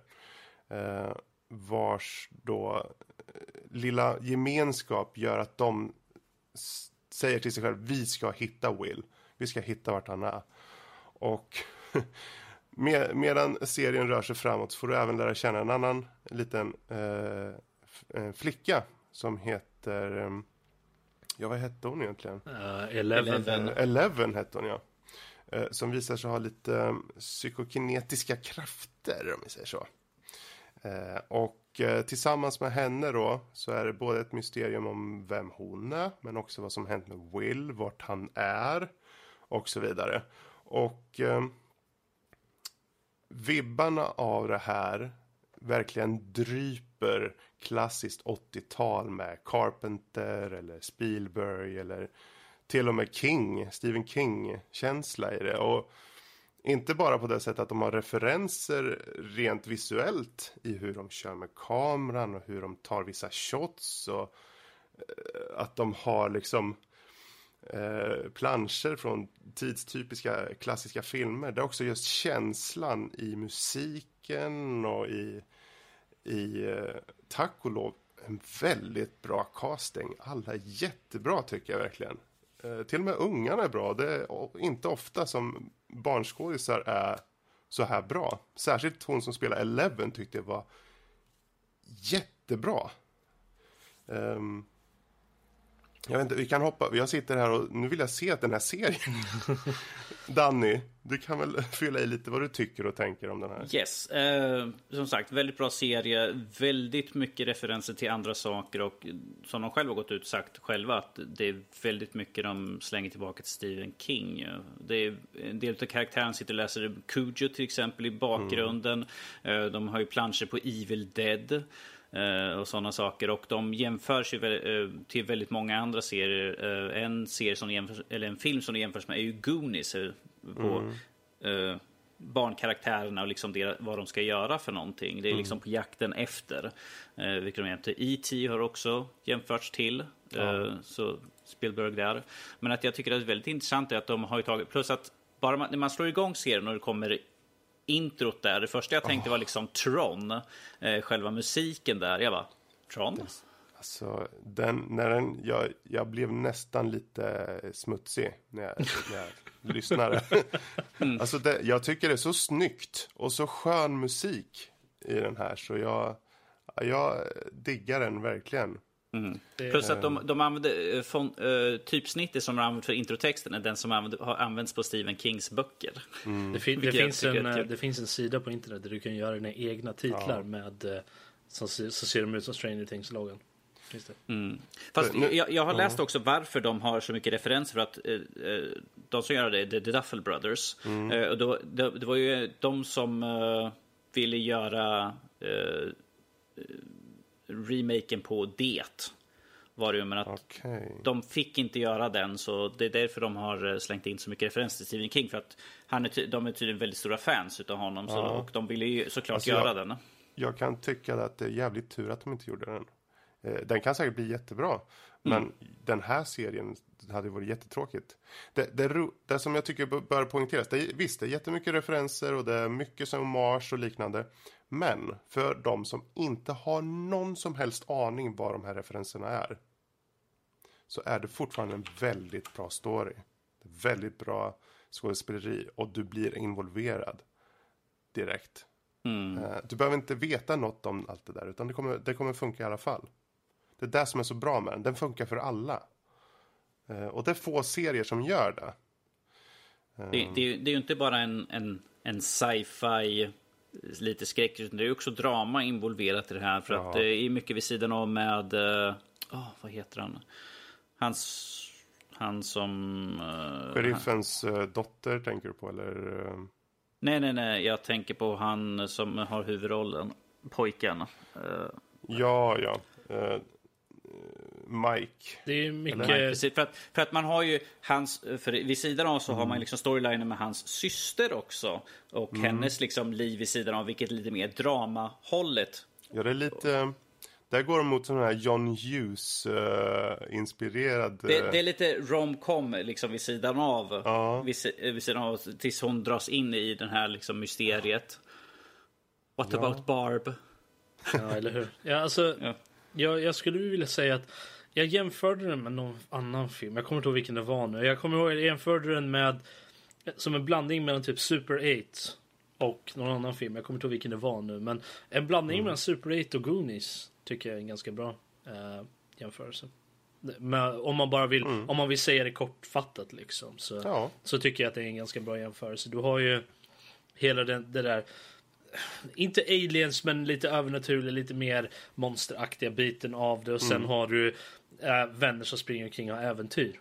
Um, Precis. egentligen. Så det, och det, det är inte, jag, jag har svårt att, att, att sätta den i en genre. Uh, för det är så mycket som pågår. Och det, det är ju dels skräck, det är dels thriller, det är dels liksom andra grejer. Det är väl en thriller, det är väl det som kommer närmast. För det är ju en blandning av flera olika eh, element egentligen. Men, uh, men det är åtta timmar värt av, av, av tittande ungefär. Uh, Och uh, jag satt och tittade på, på i stort sett i sträck. Ja, men, Uh, och uh, det är en sån där serie som man inte slutar, man kan inte sluta titta på. Och det säger väldigt, väldigt mycket. Gör det. Att, att man, eh, man sätter sig ner, ja men ett avsnitt till. Bara. Uh, det är ju bara åtta stycken, jag tar ett till. Uh, det är så... Man vill veta vad som händer. Uh, Med alla karaktärerna jag tyckte en, en kul detalj, eh, förlåt att jag avbryter, men eh, att de i varje början på avsnittet så har du det här Stranger Things som kommer. Men sen har du också namn på avsnittet. Som sätter lite av en, en känsla. Och det är så här lite schyssta namn tycker jag. För det är liksom Chapter 1, The Vanishing of Will Byers. Och sen Chapter 2, The Weird of Maple Street. Så det är som att de sätter lite tema som passar ihop med sådana här klassiska filmer och liknande liksom. Eh, det är en sån liten detalj, men som jag tycker, ja men det är kul att de går den vägen. De har ju lite eh, saker. De har ju, det är ju alltså. Varje avsnitt har ju en liten. Jag vill inte säga att det är en liten self-contained story i varje avsnitt. Är det, ju. Det, det är lite så. Då har du ju. Okej, okay, det här händer i det här avsnittet. Och sen så vävs ju allting samman ju, ju längre in i serien man kommer. Och man, det är ju alltid små bitar som en, röd tråd som går igenom alla avsnitten. Men det är ändå lite mer. Vissa avsnitt har en lite mer self-contained uh, bit av sig. Det, här avsnittet handlar om det här. Och sen har vi nästa avsnitt som handlar om det här. Men allting liksom uh, går samman. På det sättet så känns det nästan som uh, som om det skulle vara en serie short stories eller, eller böcker. Så, korta, korta segment liksom med, med, med små stories. Uh, Och jag gillar det verkligen. Um, och det har, ser man ju även i, i titeln för varje avsnitt som du säger att det, du har, det, det sätter tonen lite och det, det får det även att kännas som om det skulle vara en liten e- egen berättelse för sig. eh, helt enkelt. Ja, eh, en aspekt som jag också tänkte på när jag såg på hela var att de låter inte någon karaktär, kanske Barb, eh, liksom falla i skymundan. Utan varje karaktär får på sätt och vis ett ark. Till och med, jag menar, i vanliga fall så hade hjältinnans pojkvän varit en douchebag först, som han är. Och sen hade han droppats. Här så är det en, en eh, jag tänker på systerns pojkvän där till exempel. Som, som inledningsvis, han är en douche egentligen. Alltså, eh, och, eh, men han, han är inte bara det, han är mer än så. Vilket många andra serier, eller filmer för den delen, de skulle säkert ta den här endimensionella liksom, versionen av en pojkvän. Eh, och han använt honom som någon form av plot point bara.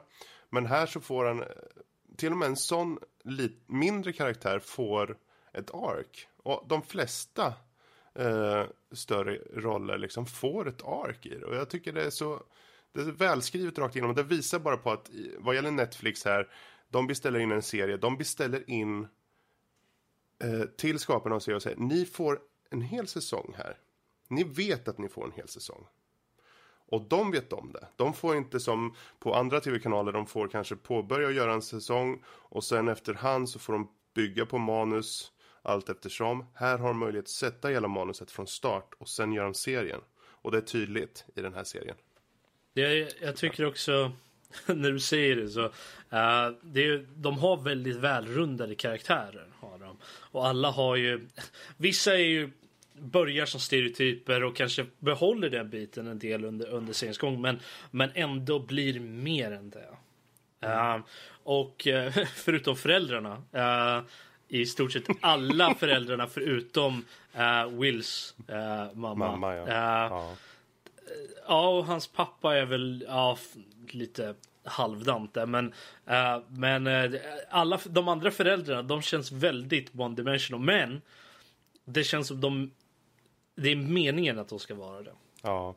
Jag tänker på särskilt pappan i familjen för han som inte verkar bry sig så mycket. Han bara, ja, vad, Vad har jag gjort för fel? Vad har jag gjort? Vad, vad har jag gjort? Han liksom- fattar ingenting liksom. Och han är så konstant. Ja. han hänger inte med på någonting den gubben.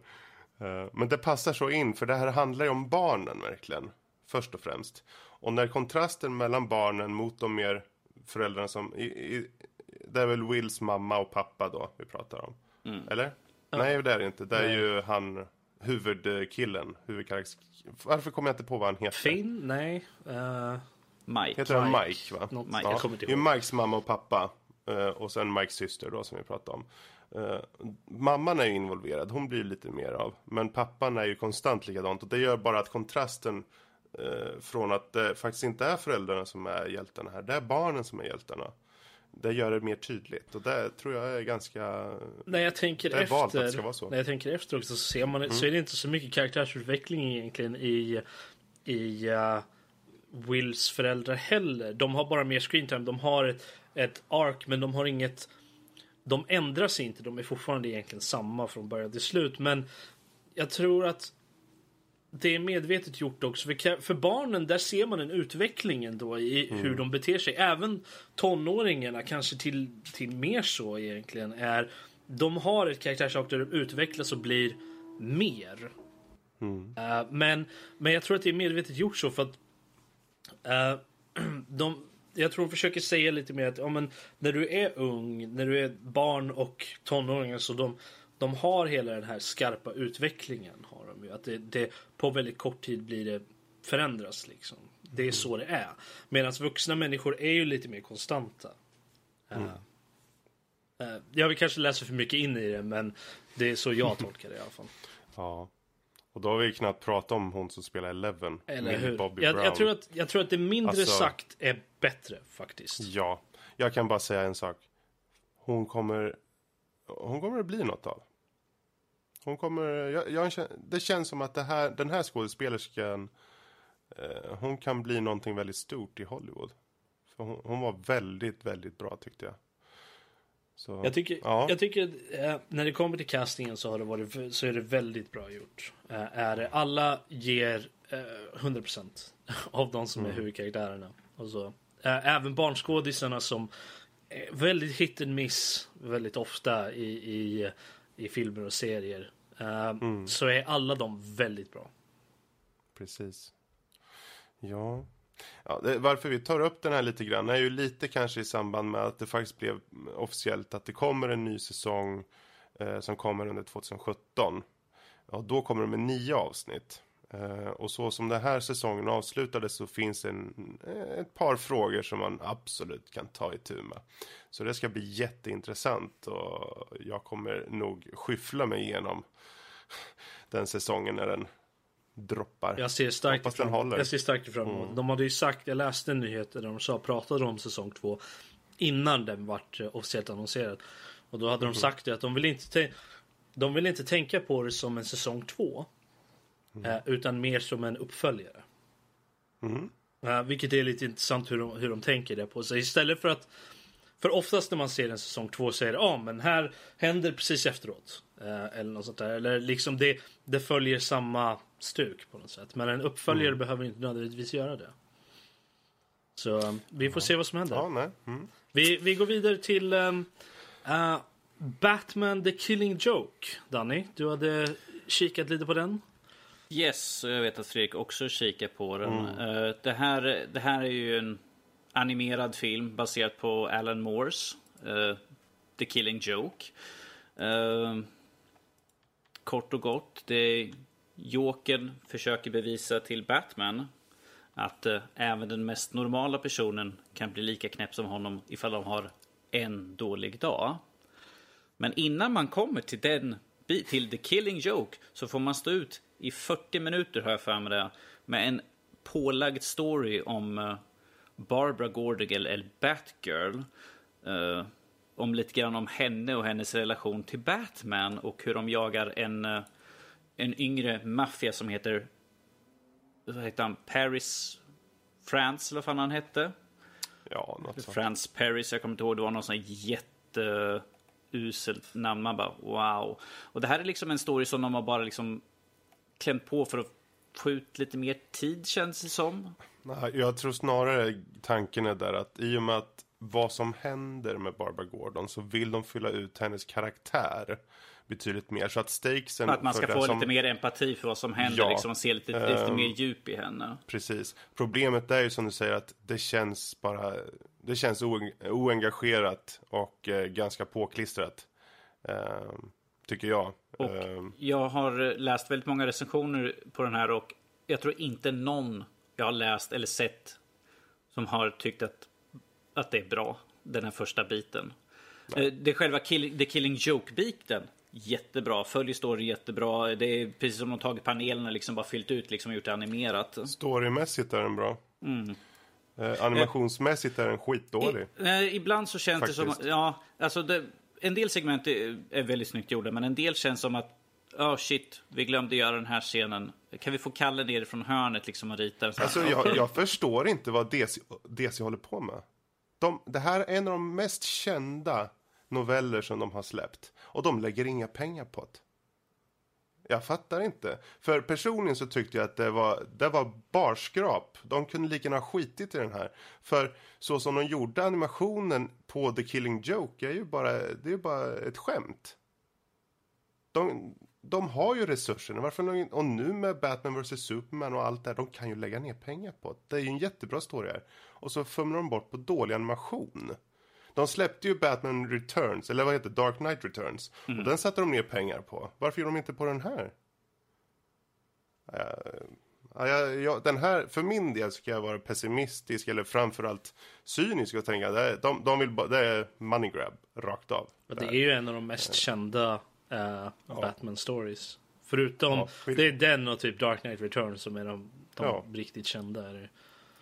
Så att- det, det och det tråkiga är ju också att de har faktiskt fått, de har ju Kevin Conroy, de har Mark Hamill. Ja.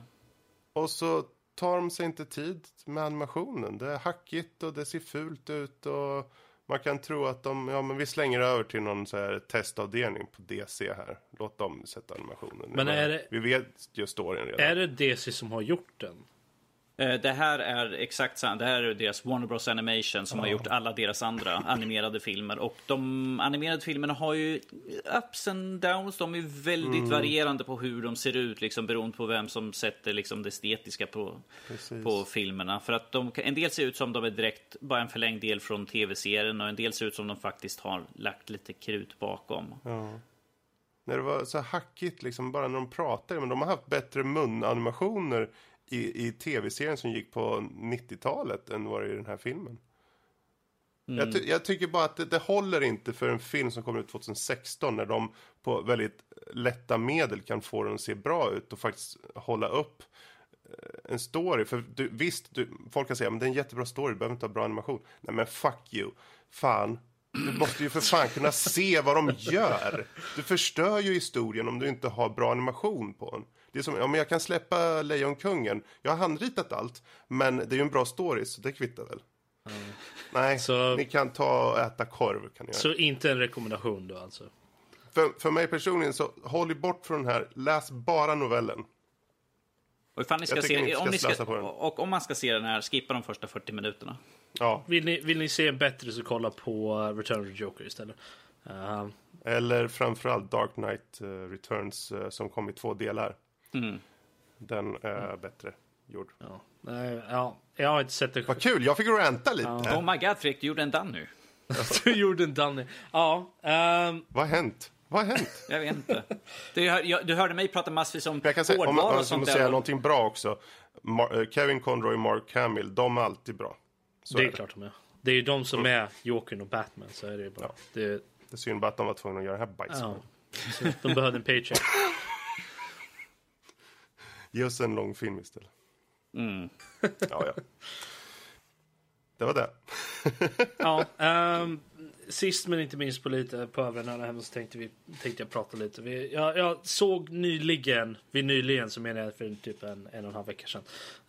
Så såg jag, fick äntligen, äntligen eh, tid att se, eh, eller opportunity att se Captain America Civil War.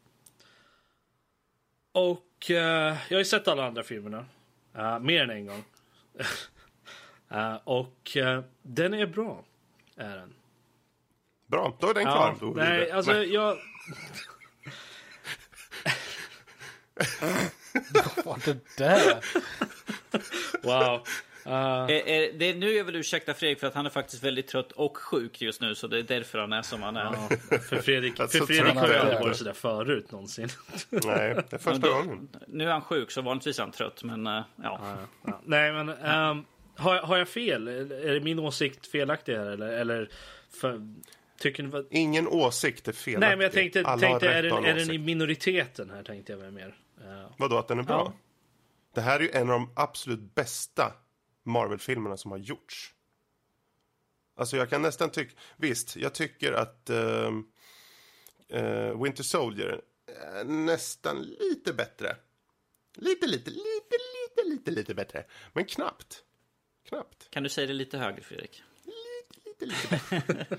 Men eh, den, den, framförallt att de har så många olika karaktärer. Och jag vet att vi har säkert pratat om det i tidigare avsnitt. Men om ni har hört det redan då får ni mejla in till oss och gnälla. Det, det är fine.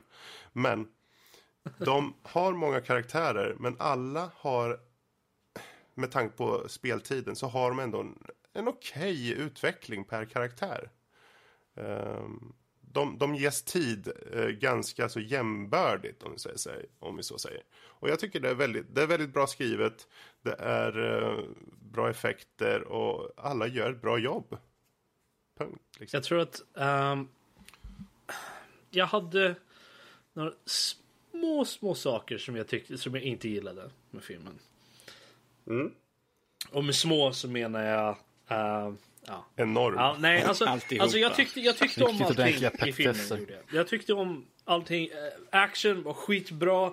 Eh, skådespeleriet var on point. Det var för min del, alltså jag bryr mig inte alltid så mycket men jag tyckte det var skitbra gjort. Eh, alla karaktärerna Men- hade liksom sin åsikt, de hade sin anledning till allting liksom. Och det, det klickade med hur deras karaktärer hade varit i tidigare filmer. Så det funkade liksom.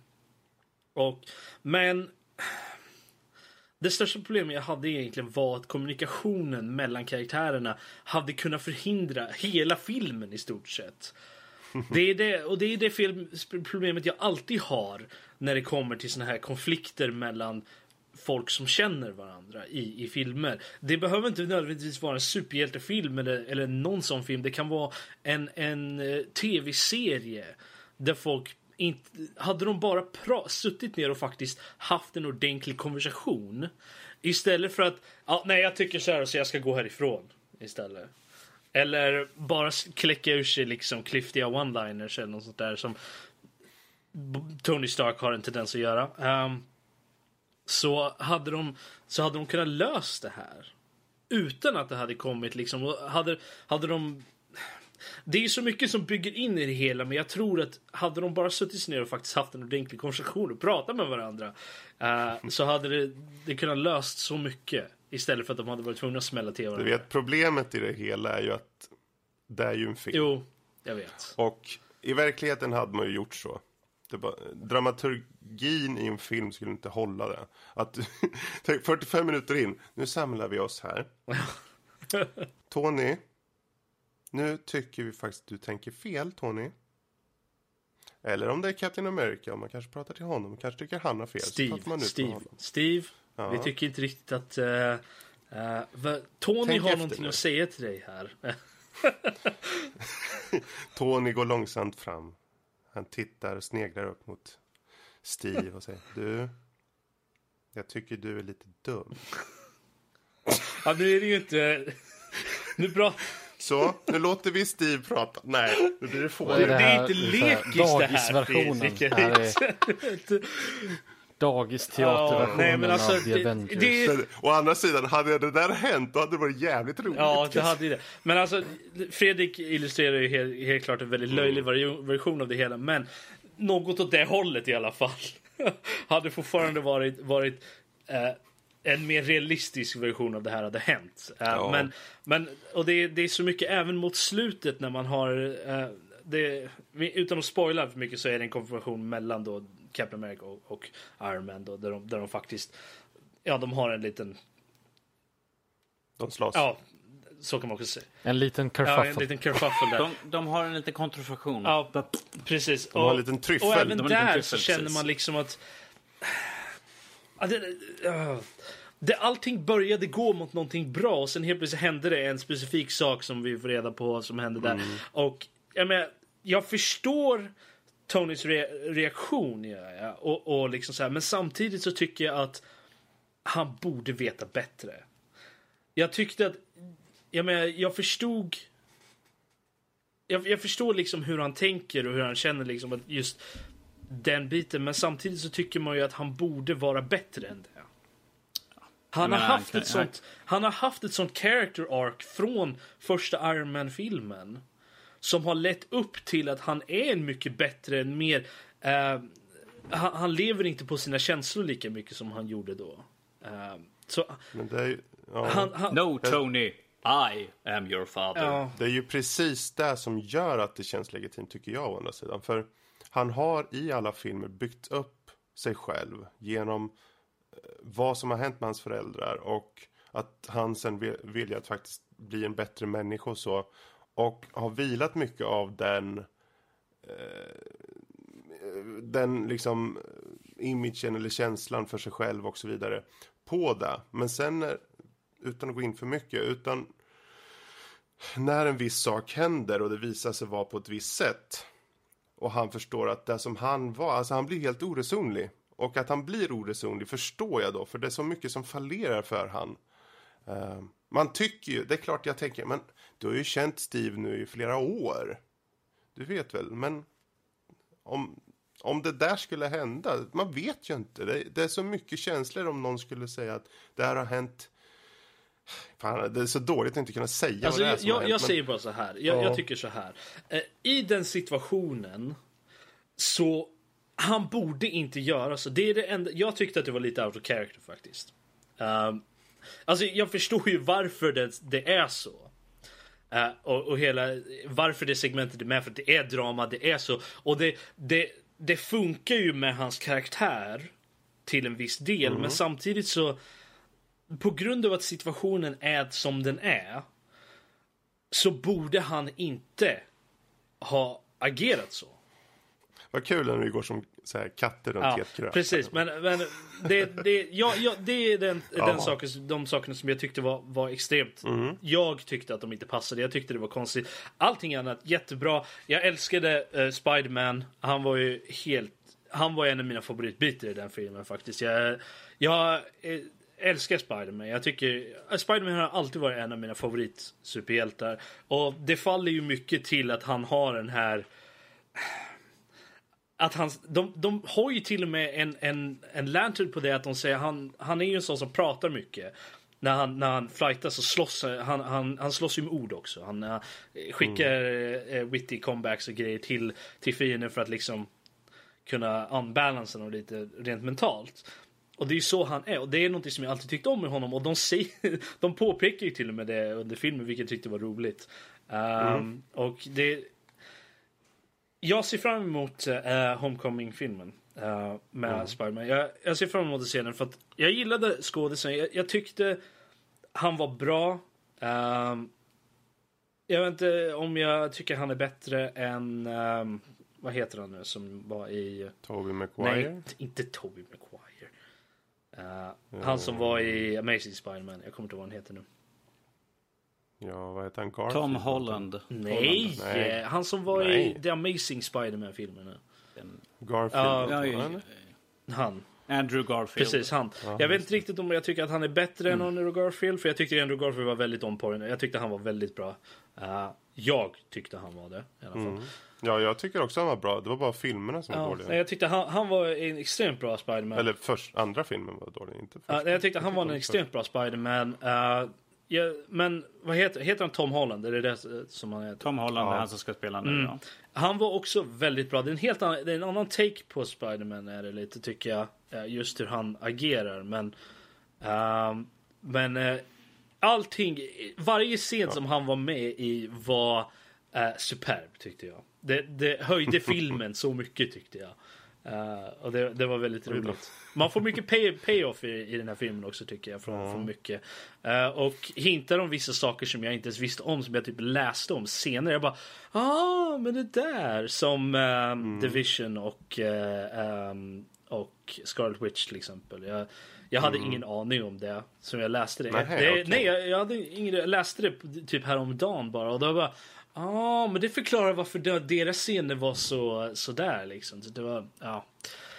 Kan jag säga förstås, nu har vi ju pratat mycket vad vi tycker och tänker. Vi har med flit inte gått in på storyn. Mm. Eh, för om ni mot förmodan inte har sett den så förklarar det lite varför vi går lite eh, så här. Som jag till exempel. Ja, den, finns, den finns ju ute Kalle, nu. alla dör. Mm, fan också. Den, den finns ju ute på, på DVD och Blu-ray och sånt där nu är jag ganska säker på. Så att, eh, Eller jag vet, jag vet att det är så i fallet för det var så jag såg den. Ehm, Ja. Jag, jag vill bara säga en sak och eh, det är liksom om den här liksom att de är två faktioner egentligen och eh, det som jag tycker att eh, Russo Brothers har gjort ganska bra är att även fast de står på varsin sida av sina åsikter så är det ju inte en, det är en film som är svart eller vit utan att alla har ju rätt på sin egna punkt och att de på väldigt många punkter så står de ju isär eh, hur de anser att de ska gå vidare liksom för att få Avengers att fungera men att i slutändan så har ju båda rätt från sina, sina fronter ju och de, de å andra sidan vet ju också att de har rätt också att egentligen måste de ju jag hoppas att i, nästa, i de nästkommande filmer liksom, att de kan liksom se att ah, men du hade rätt på det där, ah, men du hade rätt på den här. Kan vi försöka få ihop liksom? För att det är ju, det är ju en väldigt... eh, en film om åsikter liksom och, och, och göra rätt. Och eh, även fast det är allting som var innan, liksom, är du team Cap eller är du team Iron Man? Liksom att, man kan egentligen inte säga så för att de har ju faktiskt rätt från båda sina ståndpunkter om att Captain gör ju för att han är liksom att vi ska ärligt, vi ska liksom rädda alla som vi kan och eh, Iron Man gör ju det för att han ser att det enda sättet att rädda dem från att liksom bli åtalade, liksom instängda någonstans. Så att båda gör ju rätt från sin ståndpunkt, men att de skulle kunna jobba ihop. Vilket är liksom det som är dri- drivet för deras, från båda liksom, och de som står vid deras sida. Eh, det är som Robert säger, att liksom, ifall, de, ifall de bara hade pratat ut lite grann och säger liksom, så här ligger till, så anser jag, ja jo, vi kan ju liksom arbeta ihop och lösa det på något sätt. Men och då hade vi de inte fått en film. Så. Nej, precis. De är lite, tyvärr är de lite tjockskallar för Captain America, han är från en helt annan tidsålder. Där liksom, och där han står för egentligen, att det ska vara liksom justice och rättvisa och all- allt det där. Liksom att det är liksom, vilket vi har sett under filmer, liksom att han har en ståndpunkt där han liksom står fast vid. Och han vägrar liksom bryta, för det är det som gör honom till Captain America. Iron Man, han är mer åt det politiska hållet. Vi ska liksom försöka liksom, så att vi, han ser ju det liksom som han är ju han är ju företagare, han ser liksom vart, vart det drar åt och så. Och han ser liksom att ifall vi inte liksom följer och skriver under det här så kommer vi liksom å, åka i finkan och sitta där om vi inte lyder helt enkelt. Samtidigt så, så måste jag egentligen tycka att det som händer, det som orsaken till alla de här sakerna är ju egentligen det, det är många som sätter det, det här är ju någonting som eh, man vet redan innan när man kommer in i det, det är inte en spoiler direkt. Eller det är inte en spoiler. uh, och det, det är så pass tidigt i filmen också som de tar upp det här. Det är ju det att de blir ju anklagade för att anledningen till att de vill ha den här ehm, um, ackorden då som de, de pratar om är ju för att uh, de har ju orsakat lite uh, destruction lite här och var. Men eh, egentligen så är det, ju- det är inte deras fel. De gjorde ju bara det bästa de kunde för att säga ah, okej, Ultron var ju egentligen deras fel. Men, men de tog ju upp liksom händelserna i, i första Avengers-filmen som inte var deras fel. Eh, de gjorde ju bara sitt bästa för att stoppa det och de försöker liksom sätta alla de här sakerna på dem, på Avengers som rent logiskt sett är väldigt dumma. Och det är ju bara fearmongering i allt det där egentligen. Uh, och man kan ju ta det lite som man vill, men ja. det, det, är ju, det är upp till var och en vad man vill tycka. Men jag tyckte det var väldigt bra filmer. Black Panther var en, en uh, stor, en, en trevlig överraskning faktiskt. Uh, hur, hur bra det är. Jag har ingen kunskap om Black Panther innan. Men jag tyckte det, jag tyckte det var väldigt intressant och bra Mm. integrering i filmen också. Tyckte jag. Ja. Men ja. ehm, Där har vi det i alla ja fall. vi, vi tar och hoppar vidare till Fredrik uh, med sista Mm. segmentet här med lyssnarmailen. Vad har vi för någonting där? Precis. Jo, eh, vi tar upp två mejl den här veckan. Och eh, först har vi ett mejl från eh, Maja. Hon skriver följande. Hej vänner! Eh, verkligen ett jätteroligt avsnitt senast, Smiley. Eh, jag blir så pepp på att spela på HTC Vive och gärna att få testa spelen som nämndes i er podd. Finns det några kommande VR-spel som ni ser fram emot? Eller bara hoppas på? Ha det bra, puss, Maja. Mm, Ja, Ja. det det är en mycket bra, fråga. Uh, skulle önska vi hade Lotta här, eller Max här, som kunde säga liksom lite grann om... Måste det, behöver det vara VR-spel. spel som faktiskt är i pipelinen eller? Det är bara det du hoppas på. Hon- skriver ju hoppas på, så vi kan, vi kan vara lite lediga med, med hur vi tänker här. Eh, Finns det något spel du tänker på? Det här vill jag testa och eh, Jag sa ju det, var det förra veckan?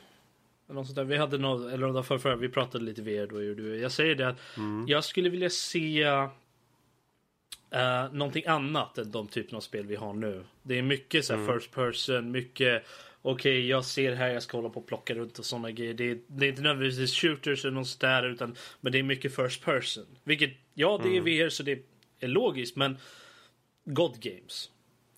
Jag tycker det skulle passa jättebra i, i VR tror jag. För du har den här liksom, du är gud, du flyter omkring liksom ovanför och, och sådana grejer. Så Vad, vad, vad jag hör är Populus VR. ja, men någonting åt det hållet. Populous är ju ett av de äldre God Games är det ju. Så att det, eh, den är ju en originator till många andra. Så att, det, Men något åt det hållet. Även sådana strategispel skulle också, tror jag också skulle fungera väldigt bra i VR. Man har Istället för att du har en yta som du ska gå runt på så har du en yta som du dedikerar för okej det här är mitt spelfält. Och så kan du röra runt gubbar på det. Eh, Fre- Fredrik. Civ VR. Jag tror inte Civ skulle funka Ja. riktigt. Därför jag tror det är lite för... Men någonting som eh, Age of Empires till exempel. Eller uh, Command and Conquer om man vill vara sån. Där man bygger lite mer, där mer basbuilding och sen eh, liksom skicka ut trupper och sånt där. Någonting sånt tror jag skulle funka rätt bra. För då har du ju liksom att okej, jag indikerar en zon här med karaktärer så jag ska skicka ut och göra sådär. Jag tror Ja. att det skulle funka jättebra. Det är någonting som jag skulle vilja se. Ehm, Ja, eh, jag kommer att tänka på det här kanske är något som kan eh, ligga Kalle mm, att fresta hon- honom lite. Men det, det finns ett spel, ett eh, early access-spel som heter Onward. Som är en taktisk multiplayer shooter. Eh, där man liksom alltså ska ha koordinerade attacker och, och det ska vara liksom mark, eh, marksmanship skills liksom för att klara sig olika uppdrag och så eh, i första person. Eh, vi vet ju förvisso att första personsläget har varit lite... Det kanske inte... Jag menar, rent tekniskt kanske det är lite jobbigt och så eh, att sitta i det. Men tanken på det här att du tre stycken, fyra stycken som taktiskt sett går över en bana. Okej, du kan svinga med handen, hela handen och de andra ser att du svingar handen. Ja, du går dit. Du går dit. Man kan göra handsignaler. Liksom. Och på ett helt annat sätt. och kollar på lite gameplay nu och det ser ju onekligen eh, frestande ut. Mm. Mm. För det Ja, blir ju den här, det blir ju, det blir ju en annan form av immersion när du faktiskt lyfter upp vapens laddsystem och laddar själv. Ja, Och för att eh, sikta så lyfter du upp vapnet, kollar genom kikarsiktet och Precis. sådana saker. så, så jag tyckte bara att det var ett bra exempel på vad som kan komma, som jag kan hoppas kan bli bra. Det, man vet ju inte hur det funkar rent så här, blir folk åksjuka och springer runt i första Ja, så länge de men- löser den här biten med att när man, man ska röra sig runt omkring och framåt eh, och så. det är ett multiplayer-spel alltså då eller? Ja, Yes, jag tänker, jag, precis. jag tänker direkt så här. Det vore ju intressant om man kunde ha något sånt i en single player-upplevelse också. Att du har en squad med dig. Det finns ju sådana spel som, har squad, som är squadbaserade. Där de andra är AI. Så du, du använder handsignaler liksom eller så här viftningar för att visa okej gör så här. De gjorde ju, de hade ju någonting liknande fast då röstkommandon som de introducerade med Kinect och sånt. Där du, där du kunde skicka, när du spelade till exempel Mass Effect 3 och några andra spel tror jag. Där du kunde liksom säga oh, go over there eller något sådär.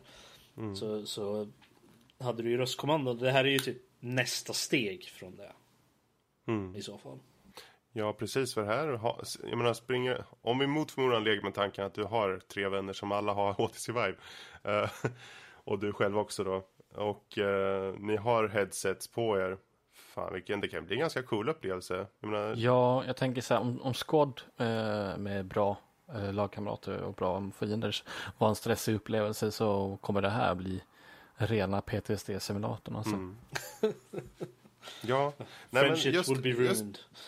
precis. Just Ungefär. för att den här genren är intressant tycker jag ur det här perspektivet. Att VR kan göra en sån annan upplevelse av det. Eh, Så där skulle jag vara ganska nyfiken på. Där kan jag hoppas bli bra. Om inte annat kanske först Onward är något spel som leder till ett annat spel som i sin tur är ännu bättre och utnyttjar tekniken bättre och så vidare. Så ja, det är i alla fall eh, ett exempel. Men det får bli egentligen ditt svar Maja. Eh, vi hinner inte med så mycket mer utan vi går vidare till eh, nästa mejl. Och då är det från Magnus och han skriver så här. Hej Nördliv. Tack för en bra podd. Jo, jag bara undrar vad ni tycker om att Nintendo har ett samarbete med Apple nu i och med Super Mario Run. Kan vi se många roliga spel down the line, eller? Eh, Jag vill se ett samarbete mellan Nintendo och HTC Vive, Super Mario VR nästa, smiley. Med vänliga hälsningar, Magnus. Ja, Nej. Ja, Alltså inte för att världen behövde flera Endless Runner-spel, men eh, ja, Nintendo har ju varit lite kräsna med att hoppa över till mobilplattformar Mm. tills nu då. Så att, eh, och det ska ju komma till Android i framtiden också, så att varför inte? Liksom. Om, om vi, vi kan ju se det som ett första steg i alla fall beroende på hur det går med det här spelet. Eh, så kommer de ju säkert, ifall det går bra här så kommer ju såklart Nintendo se att det finns ju faktiskt en, en, en, en stor marknad där i mobilt. Eh, och det kan ju inte de blunda för. Även för folk tycker att ja, men Nintendo kör sitt bara egna race. Ja, men de gör det av en anledning för att de, de, de har liksom så här kör vi. Vi vill inte vara som alla andra och det tycker jag att de ska stå på sig egentligen för att eh, de gör det de är bra på. Men att utöka lite grann och få in på mobilmarknaden. Jag menar, de har väldigt många stora märken och sånt där. Sen har de mindre märken som de faktiskt kan. eh, Nu är Mario ett av deras största. Så jag, jag tycker att det är starkt att de faktiskt kommer ut med ett Mario-spel. det, precis. Det är ju verkligen att de går ju... Man kan tycka men det är bara en sån här runner, liksom. Temple Run-klon. Å andra sidan, det är deras största märke. Alltså varumärke, Super Mario. Eh, att de börjar med honom är ju ändå eh, en markering i sig. Och som ett första steg kan jag tycka att ja, det är alltså ett väldigt enkelt spel. Du behöver bara ett finger för att kunna trycka när du vill för att få han att hoppa. Eh, det är alltså väldigt lättillgängligt, det är väldigt Nintendo i sig. Och grafiskt sett så såg det väldigt Super Mario ut. Så på den punkten kan vi inte klaga. Så jag tror att det här är definitivt bara början. Jag kan tänka mig att de faktiskt längre ner för vägen kanske kommer med ett lite mer inom situationstecken riktigt Super Mario där du faktiskt får styra på ett annat sätt. Det är just kontrollerna som är lite svårare kanske i, i eh, mobilsammanhang men ehm, jag tror definitivt på att det kan, det kan nog komma lite roligt och vem vet kanske ett Zelda på mobil. Ehm, det, det skulle inte vara tråkigt. Jag, Ehm, jag, jag tänker mest, vad tror ni har promptat det här? Egentligen. Jag tror nog bara att tiden har kommit ikapp dem. Och eh, de har nog under ganska... Jag tror att de har nog varit i kontakt med, i det här fallet Apple, under ganska lång tid. Eh, för Apple, säga vad man vill, men de går i alla fall på sätt och vis, på sätt och vis sin egen väg och har alltid gjort det liksom. Eh, och det, det faller lite in i hur Nintendo arbetat. Sen så förhoppningsvis kommer det till Android och så också då. Eh, Men det kan jag tänka mig kanske ett naturligt steg för dem då, kanske som ett första steg. kan, jag kan ju också Så- tänka mig att Pokémon Go har ju också haft en väldigt positiv eh, även om Nintendo har ju inte, är ju inte direkt involverade med den utan det är ju de här Niantic. Men, men de har ju sett att liksom bara namnet Pokémon Mm. Gjorde ju så mycket för det spelet. För hade det varit något annat spel som inte hade Pokémon i titeln, hade det varit uh, Catch Monsters Go eller något där istället och det var helt random grejer bara eller bara djur som man kunde fånga, fånga eller något där. Ja, eller bara för att kolla på det spelet som Pokémon Go är baserat på. Ja, Ingress. precis. Ja. precis. Det var inte, jag spelade det en gång när jag gick i gymnasiet. Eh, och sen har jag inte sett röken av det spelet förrän nu då. nej, Så att, att, eh, det visar ju bara hur starkt varumärket i Ja, sig är. det är det jag säger. Ja, så att de, har ju, de, ser ju, de såg ju direkt, med deras share gick ju upp eh, var det, hur mycket som helst eh, efter launchen av Pokémon Go. Så jag tror de har sett att det finns en ordentlig marknad. Sen gick det ner ganska ordentligt När, när det kom fram på att... det inte var Nintendo. Precis. Ja, Plus att eh, Po- Pokémon Go har var de utan att säga att de har 500 miljoner nedladdningar. Ja. Men vad, jag, säger, vad jag menar på är att de såg ju att det finns någonting där. Det finns en Ja. marknad där det finns. Bara deras För- namn. Och det är därför, troligtvis därför som de har valt att använda Mario också. För att han är instantly recognizable. Alla vet vem Super Mario är. Sen tror jag ju dock att de har haft Super Mario Run igång långt innan Pokémon Go kom ut. Yes, eh, för, för det var jag så, jag tänkte komma till, att 500 miljoner på Pokémon Go. Och jag kommer inte ihåg vilken, det var någon analytiker som sa att det liksom att eh, Super Mario kommer ha desto fler nedladdningar. Mm, och då kommer det vara, då bör man köpa det spelet dessutom. Ja, alltså du kan ju ta ner... Eller det- du köpa kan, efter ett tag. Precis, du kan ta ner det. Nu finns inte det som man kan ta ner ännu här, men att man kan ladda ner. Sen är det liksom x antal banor du kan köra, liksom freeware. Och sen efter det så är det liksom, vill du spela mer får du köpa hela spelet. Eh, Men det är ju bra att man i alla fall, det här, det här sa jag, vi- har jag pratat med Fredrik vid sidan av, att det, det är skönt att man kan liksom ta ner och testa spel så man kan se, är det någonting värt att lägga pengar i? Så det är liksom så här, oh, det ser intressant ut, jag köper sen märker man, nej det var inte så kul. Det är inte mycket man kan göra, men här kan du liksom testa spelet först och sen se, vill jag lägga hur mycket pengar den kommer kosta liksom. Mer sånt tack. Nå- något som slog mig nu. När, ni säger, när ni säger att det troligtvis har varit i development länge, är nog, eller ett tag i alla fall innan, innan Pokémon Go. Är att jag tror att när jag tänker på det så att anledningen till att de, har, de, de kommer med det här nu är för att de ser ju... Nintendo har ju i stort sett alltid varit everyone. Det har alltid varit deras marknad och har alltid gearat sig lite mer till den yngre, yngre varianten, den liksom yngre målgruppen. Uh, I och med det, deras, de största IP'na de har som är ju uh, Pokémon och, och uh, Super Mario och Zelda. De där. Det är deras stora som alla vet liksom. De är ju väldigt mycket gearade mot yngre. Uh, i, speciellt i utseende och, och content och så.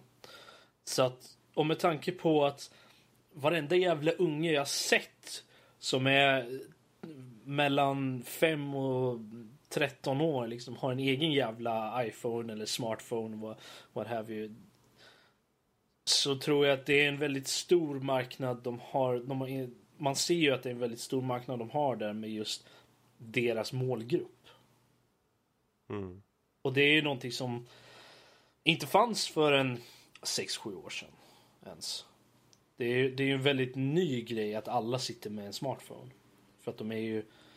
För det finns så mycket, eller en surfplatta eller whatever.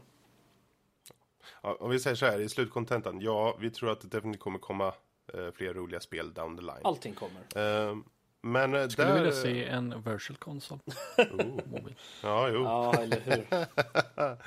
Ja, nej, där är slut på mejlen eh, för den här veckan.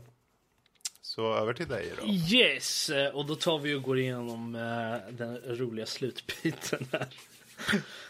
Ehm, som alltid, Eh, vill ni se mer eller höra mer eller veta av oss helt enkelt mer så kan ni alltid gå in på uh, vår hemsida www.nördliv.se eh, och det är nördliv med ett ö. Hur konstigt det än låter. Alla, alla länkar till alla andra plattformar vi finns på och enorm mängd content med recensioner och eh, eh, små tidbits, roliga länkar, lite sånt finns där. Eh, bara att springa in. Ni kan eh, eh, även eh, följa oss på iTunes där ni får gärna lämna lite betyg, tumma upp oss. Ja, snälla. Tu- Tumma upp oss. Är det tummar upp eller stjärnor? Jag vet inte. Jag har inte iTunes. Man ger ett betyg i form av stjärnor. Du gör det? Ja. Ge oss en stor stjärna. Eller många stjärnor. Nej, flera stjärnor. En, en stjärna är inte bra, Många fem stjärnor. Alla stjärnorna. Eh, Ni, ni, ge, ni ger vad ni vill såklart. Vi, Nej, ni ger är det fem så att, stjärnor, är det, så att, meningslöst. är det så att ni har någonting som känner det här var inte bra, då kan ni ju mejla till oss istället och säga det så vi kan göra oss bättre, eller ja, hur? precis. Det är bara när ni ska ge bra Danny betyg som ni ger oss. nordlivpodcast.se. Ja. Excuse som sagt, Excuse många me? stjärnor. Lämna även en kommentar. Bara bra kommentarer som Fredrik säger här. Vi tar inte såna. Uh, vill, vill, som sagt, vill ni... Du vet, nu när du sa så, då får vi ju Ja. dåliga. Ja, jo, självklart. Men vill ni skälla på oss eh, eller, eller bara eh, ge oss era tankar så kan ni ju som sagt mejla in till oss på info.nordlivpodcast.se Eller vill ni nå oss individuellt? Eh, vill du nå Danny till exempel och säga att nej du Danny, eh, du kan inte säga så här. Som han gör så mycket i, alla dessa poddar. Så skickar ni till Danny at nordlivpodcast.se Och då får ni ett svar tillbaka. Förlåt. Ja, Puss och kram. Vi finns, Puss, kram, eh, vi finns även på Twitter. Ni kan twittra oss på eh, Nordliv Podcast, tror jag det är. Eh, och eh, säga vad ni tycker om den här podcasten. Följ oss, Följ oss. så kan vi ha lite snack. Följ oss på Twitter, på Facebook, eh, på alla andra ställen ni kan hitta oss på. Eh, eh, så tar vi och eh, hörs vid nästa vecka med ytterligare ett trevligt avsnitt av Nördliv. Så tar vi och säger hej då allihopa. Toodaloo. Goodbye. Bye!